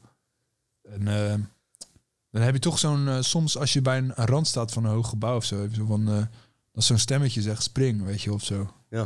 Ik weet niet of je dat bij bekend bent. Dat is wel een bekend fenomeen. Dat mensen in gevaarlijke situaties hebben. Ja, ja. Dat, dat iets in hun zegt, doe het of zo, weet je wel. Ja, kan verschillende achtergronden hebben van ja. uh, je, je angst. Komt niet uit jouzelf. Even nee, nee, nee. Of misschien juist wel. Zou kunnen. Hey, uh, één ding wat ik opmerkelijk vind, en ik ben uh, niet iemand die uit boeken zijn volledige kennis haalt. Ik doe het iets breder. maar die Nag Hammadi geschriften, waar, ook, waar we natuurlijk, wat we natuurlijk ook behandeld hebben, is de kern dat de Argonten, ja, de wezens met geavanceerde technologie, een kopiewereld hebben gemaakt van de oorspronkelijke realiteit en ons vervolgens daarin hebben gezet. Als je dit zo terugkijkt, dan wordt er ook eigenlijk een kopie gemaakt van deze realiteit. En de bedoeling is dat die steeds geavanceerder wordt en dat die steeds meer op de voorgrond uh, verschijnt. verschijnt. Nou zeg ik niet dat dit uitgerold gaat worden. Ook wil ik er meteen bij zeggen dat, dit, dat ik geen angstporno-aflevering wil maken. Dat uh, we straks allemaal aangesloten worden. Nou, ik ben nog niet bang hiervoor. Nee, natuurlijk ben je niet bang, want we hebben het besef. Het besef is een belangrijk ding. Ja. En um, wij hoeven daar niet bang voor te zijn. Maar wat wij doen is uh, collectief uh, informeren hierover. Snap je? Ja. Maar uh, het opvallende is dus dat zelfs in die Nag Hammadi geschriften, waar ik niet trouwens helemaal 100% op uitga, daar zit ook valkuil in. Mag je ook niet over praten. Is dat we bewust omgeleid zijn in een, in een wereld die we misschien eerst zouden spelen, ervaren. Zoals ook deze holografische wereld. En dat er toen iets is gebeurd waardoor wij onze geschiedenis vergeten zijn. Dat kan dus hier theoretisch ook, lijkt mij. Als je in zo'n wereld zit. Hoe, hoe zie jij dat, Simon? Nou ja, geschiedenis vergeten. Ik denk dat, je wel, dat het mogelijk is om in drie generaties... kan je al iemands idee van de historie veranderen. Gaat ook wel gepaard met die Tataren? Want uh, ook ja. dat is een geschiedenis nou, die je niet, niet, niet weten. Toevallig was dat een uh, man, daar kwam ik achter, die... Uh, Hubert Bancroft. Die schijnt dus de hele, heel groot deel van de Amerikaanse geschiedenis geschreven te hebben. Eén persoon. Ja. Ja, dat Mhm. kan je ook opzoeken. Hubert Bancroft. Is dat niet door een team gedaan dat je zegt van eh, hier in archeologisch... Ja, maar gewoon eh, sowieso het idee dat geschiedenis geschreven is, Ja. weet je wel. In heel veel eh, primitieve stammen, Maya's, dat soort dingen, die, die deden gewoon, eh, die kozen gewoon de slimste van een groep kinderen. Ja. En dan gingen ze die persoon alles vertellen van hun geschiedenis. Of en als die dan ouder was. Ja, s- aan meerdere personen, van woord tot woord, Mhm. werd de geschiedenis verteld. Hé, hey, maar eh, ook die Darwin-theorie is alleen door... Da- dat is toch ook bizar? geloof ik niet, Dat één man, een Darwin, wat eh, later bleek dat hij zelf met zijn eigen theorie ook niet eens was. Hè? Dat bleek ook later, dat hij zei, eh, klopt niet wat ik heb gezegd. Ja. Maar dan noem je het Darwin-theorie. Het laat je dus van één persoon afhangen waarbij je van, ja. van afstammen. En dat noem je dan ook Darwinisme. Omdat maar- een of andere Darwin dat heeft verteld. Een vis wordt een aap, wordt een mens. Ja. Ja, nee. Dat, eh, Wij zijn meer dan dat, hè? Ja, maar een aap is En een dat is waar zoogdier en wij een vis willen. niet. Een vis is geen zoogdier. Maar dat wil, ik er Dolfijn ook, wel, maar... dat wil ik er ook meteen bij zeggen. Voordat ik eh, met de slotconclusie kom zelf, mensen, is alleen het besef dat je onderscheid kan zien wat gestuurde gedachten zijn. En dat is niet moeilijk hoor, ga maar voor jezelf na. Wat gestuurde gedachten zijn en wat echt diep van jou, diep van jouw hart binnen, eh, uit jouzelf komt. En dan zal je zien dat creatiekracht en eh kwantumfysica veel beter ook gaat werken als je daarop focust en niet van die afleidingen tussendoor. Daarom vind ik deze eh, aflevering belangrijk. Ik ga het weer herhalen. Waarom? Eén, we doen zelf ook aan individual targeting. Allemaal. Ik ook. Als ik eh, een paar afleveringen terugzie aan het begin, ben je geïrriteerd op bepaalde mensen, maakt niet uit wie. Wil je er wat over zeggen? Tuurlijk, moet kunnen, weet je. Maar we moeten ook ervoor zorgen dat we beseffen dat hetgene wat die persoon doet, dus niet 100% hetgene is waar hij achter staat, maar dat hij ook gestuurd en gemanipuleerd kan Bedoel worden. je dat een, eh, een relatie aangaan is ook individual targeting? Bedoel je het zo? Nee, nee. Eh, maar wat bedoel jij daarmee? Misschien kan nou, ik het kijk, dan- eh, bijvoorbeeld, eh, nou, zeg je wordt verliefd op iemand en die persoon die kent jou niet. Dan wil je dat die persoon jou kent. Ja. Indi- eh, individual targeting. Ik Eh. probeer het meer vanuit een sociaal niveau te bekijken. Dat je, je leert mensen kennen in je leven. Sommigen Ja. wil je wel mee omgaan, sommigen niet. Klopt, maar dat is een keuze waar, die jij Ja. kiest. Maar targeting, wat ik hiermee bedoel, is echt persoonlijke aanval op jou als persoon. Waar ik heen wil met dit verhaal. Deel 1 ging erover, individual targeting, dat het eh, slechts ging om voorbereiden, om techniek zo ver te maken dat je elk persoon op aarde individueel kan aanpassen en zijn gedrag kan veranderen. Ja, en dan is... Als dit zich in 500.000 jaar zich doorontwikkelt. We zitten nu al hier, hè? Ja. Dat, je, dat ze nu met 100.000 neuronen aan het observeren zijn. Wat ze al vrijgeven, hè? Nu heb ik het over mainstream kennis. Als dit zich in 500.000 jaar verder ontwikkelt... en dan zie je krachten achter zitten die eh, ja, niet echt dienbaar zijn voor ons... dan zou je kunnen voorstellen dat ze de techniek hebben... dit is allemaal hypothetisch... om ieder apart als individueel eh, targeting indien nodig te kunnen zien. Snap je? Ja. Daar gaat het meer om. En waar ik eigenlijk heen wil, is dat wij nu in een wereld leven. En wij hebben het net over gedachten die door ons heen gaan. En ons gedrag wat niet bij ons past. Is als die krachten, die Anunnaki-intelligenties. die zijn honderdduizend jaren verder dan, dan, wij zijn. En met qua techniek en alles. En ik heb meerdere afleveringen gemaakt hoe dat allemaal gaat. En gedetailleerd omschreven. Dat elk persoon individueel wordt geanalyseerd. Kijken of het een enemy of the state is. Of die zich aan de matrix houdt. Of niet. Aangevallen kan worden. Zonder dat hij weet dat hij aangevallen wordt. Door middel van gedachten. En dat is de hele belangrijke. Die eigenlijk niet van jouzelf zijn. Die je kan misschien wel uitspreken. Die in eh, diepere problemen kunnen brengen. Beelden die ingevoegd kunnen worden. Die alleen jij ziet en anderen niet zien. Dat zijn hele gecompliceerde aanvallen. Dus er worden geen oorlogen gevoerd.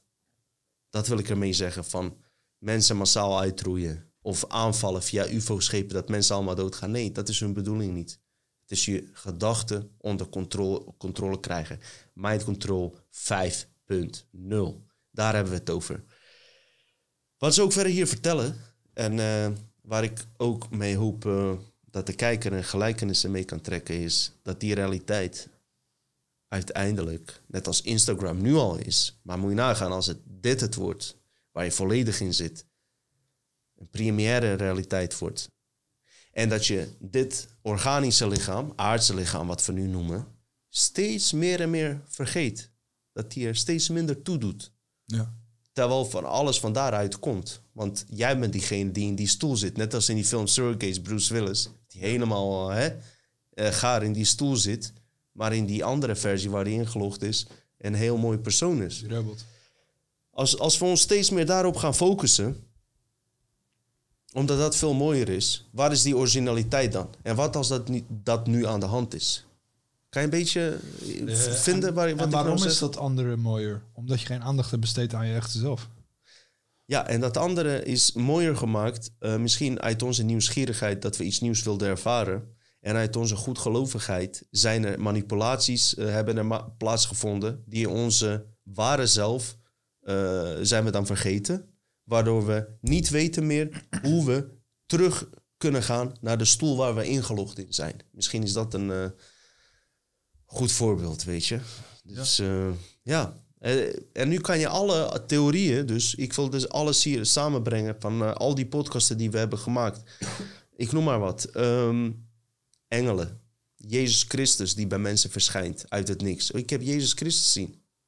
Wat nou als het een plaatje is die is ingevoegd waar ik het net over had, van Jezus Christus? Ja, en stelde of hij zichzelf voor als Jezus Christus? Of heb je hem zelf zo genoemd? Ja, maar hij kan zich zelfs voorstellen als Jezus Christus. Maar waar wij voor moeten waken is, is echt oplettend zijn. Is, en dat is heel lastig, weet je. Is te kijken van, hey, is dit nou een projectie? Of is dit nou hetgene wat echt gebeurt? En daarom is die hartconnectie zo belangrijk. Want de verbinding die via je hart gaat, daar kunnen ze niet op inbreken. Je neurologisch brein in je, in je hoofd dus wel. Want dat staat onder hun bewind. Dat is het verhaal. Maar zodra jij dus controle over je hart hebt, je hartsintelligentie, is de brein, het brein ook automatisch van jou. Als je je daarmee verbindt, kunnen ze dan ook niet tussenkomen. Dat is zo'n belangrijk ding. Ik heb ooit een keer gezegd, en dat, daar blijf ik bij, 1 miljard euro. Al zou iemand mij 1 miljard euro bieden voor informatie die ik heb eh, gedeeld in de afgelopen podcasten. En dit wat we nu delen, zou ik niet willen ruilen. Zo belangrijk vind ik dit. Serieus waar. Meen ik echt. Ja, maar delen is niet inleveren. Nee. Dus als iemand een biljart geeft om eh, dit te delen, zou ik het wel aannemen. Oké, nou ja, prima. Ja, je houdt je eigen informatie, je deelt het. Je geeft het niet weg. Maar oké, nu maak ik Als iemand zou zeggen van eh, je zou dit dan vergeten, weet je. Ja, dat is beter. Snap je wat ik doe? Ja. Oké. Een beetje water nemen ook, hè. Dus al die dingen die heel controversieel eh, voor heel veel mensen klinken.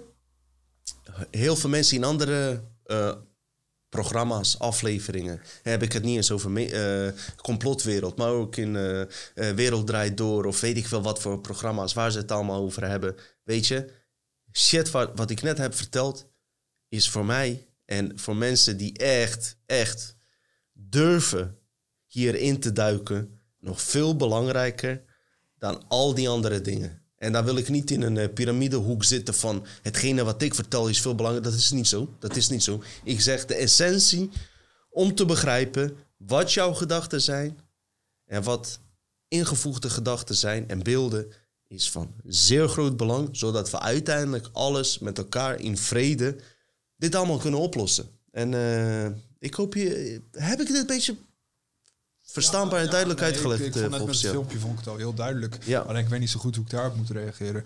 Dat eh, zo'n computer dan eh, alle mensen in een bestand heeft en zo. Dat vind ik nog moeilijk voor te stellen. Dat een computer alles van ons kan weten? Nou, van iedereen ook. Echt Ja. de hele wereld. Weet je, die al... Daar willen ze heen, hè? Oh, ze zijn er nog niet. De, hetgene wat ze nu uitrollen is ehm, dat er 230 miljoen Amerikanen, want dat- waarschijnlijk beginnen ze gewoon bij hun eigen volk, Amerika, en dan breid je het uit, al een holografische zelf hebben.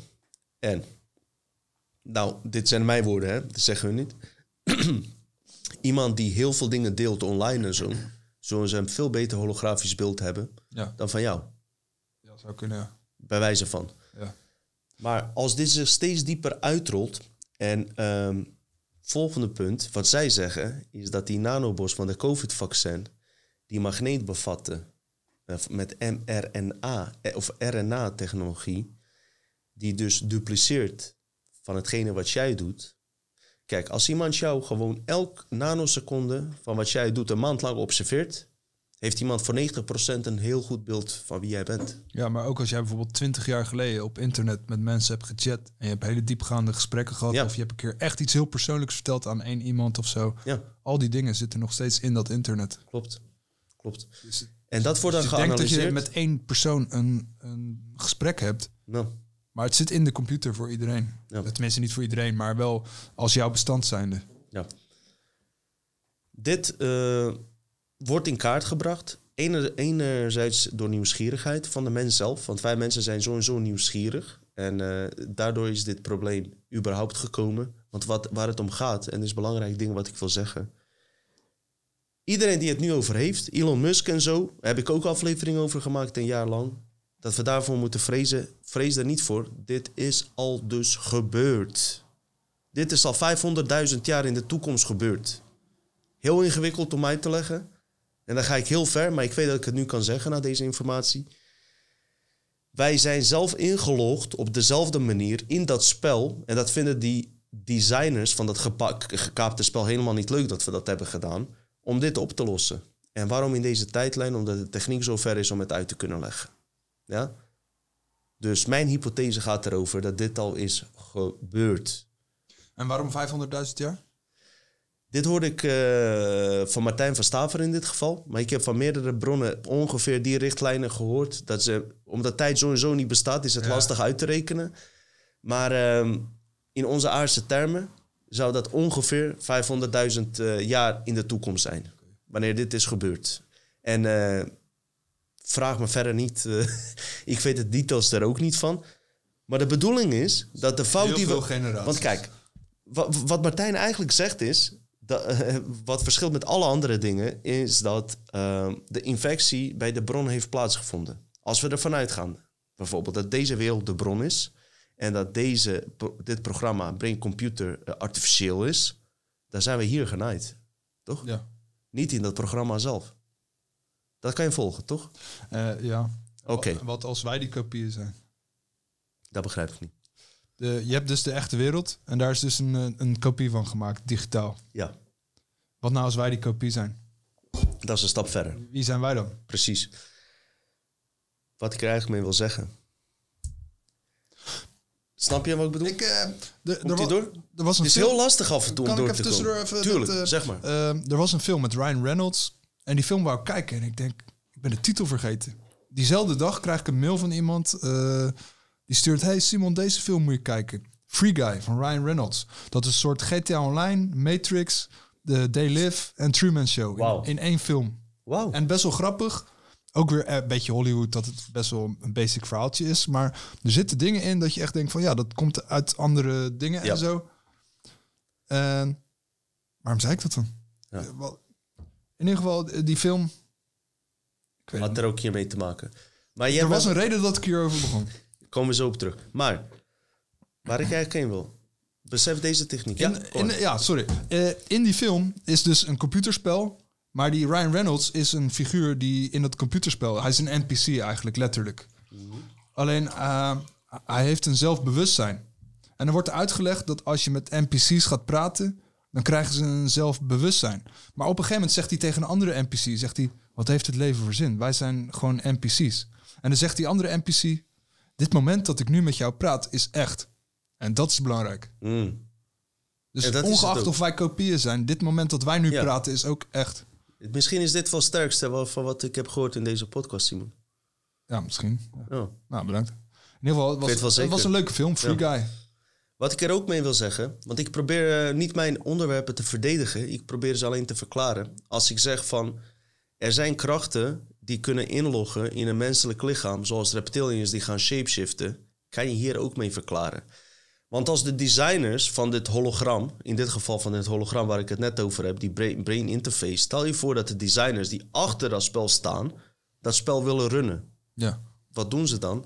Kijk, ze kunnen zich niet laten zien, omdat als ze zich laten zien, Dan gaan die mensen in dat spel denken van... wat de fuck is hier? Er is hier nog meer. Dus wat doen ze? Ze incarneren in de rijke families. Dat kunnen ze doen door techniek. Wie heeft de macht daar? Ik incarneer in die, Die familie. 13 bloedlijnen. Bijvoorbeeld. Maar wat ze tegenwoordig doen, wat ik begrepen heb, is niet eens incarneren. Maar op het moment dat nodig is, in belangrijkste figuren inloggen via het reptiele brein. Het is gewoon netwerk. Overname. Ja. Ik hoop, ik, ik zweer, ik kreeg nu kippenvel. Ik kreeg leguanenveld, rept, eh, reptielen. Zie je? Ik, ik, verander, ik ben, ben zelf aan het shapeshiften terwijl ik dit eh zei.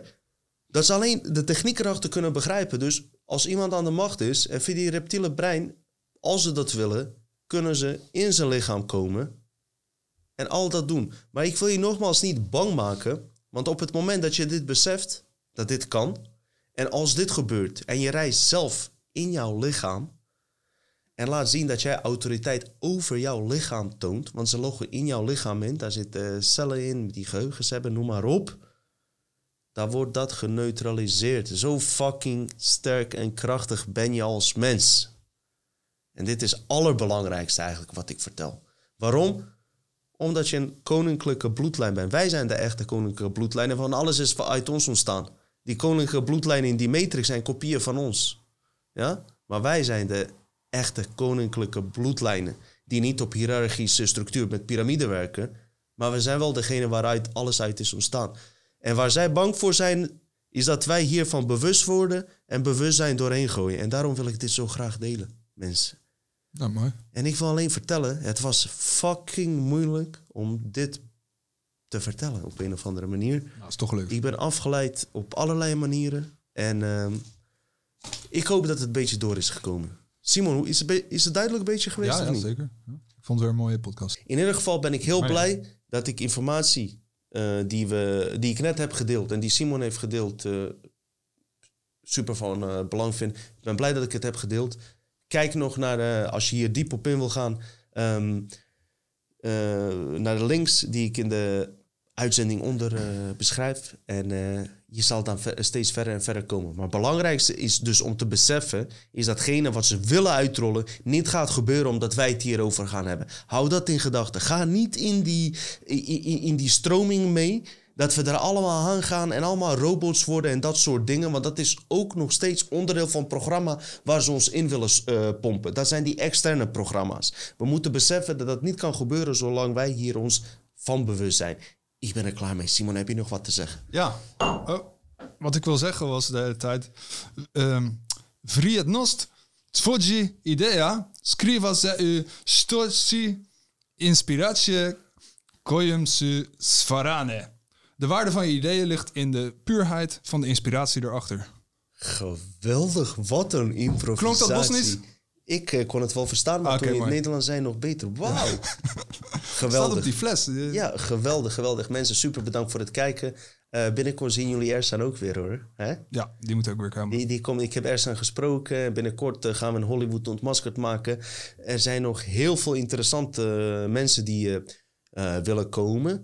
Gaan we ook uiteraard wat mee doen. Rustig aan, rustig aan. Gaat allemaal goed komen. Moet allemaal op gevoel gaan. Al met al hoop ik alleen met deze informatie... nogmaals even voor de laatste keer... ga er geen eh, angstporno van maken. Ja? Ga dit niet, nou niet delen met titel van... Oh, we worden overgenomen door artificiële intelligentie. Nee, we zijn er juist eh, hier dat dat niet gebeurt. Maar het moet wel even in kaart worden gebracht. Weet je? Op de manier hoe ze ons ook in kaart brengen. Bedankt voor het kijken. Fijne avond, hè? Hoi. Hoi.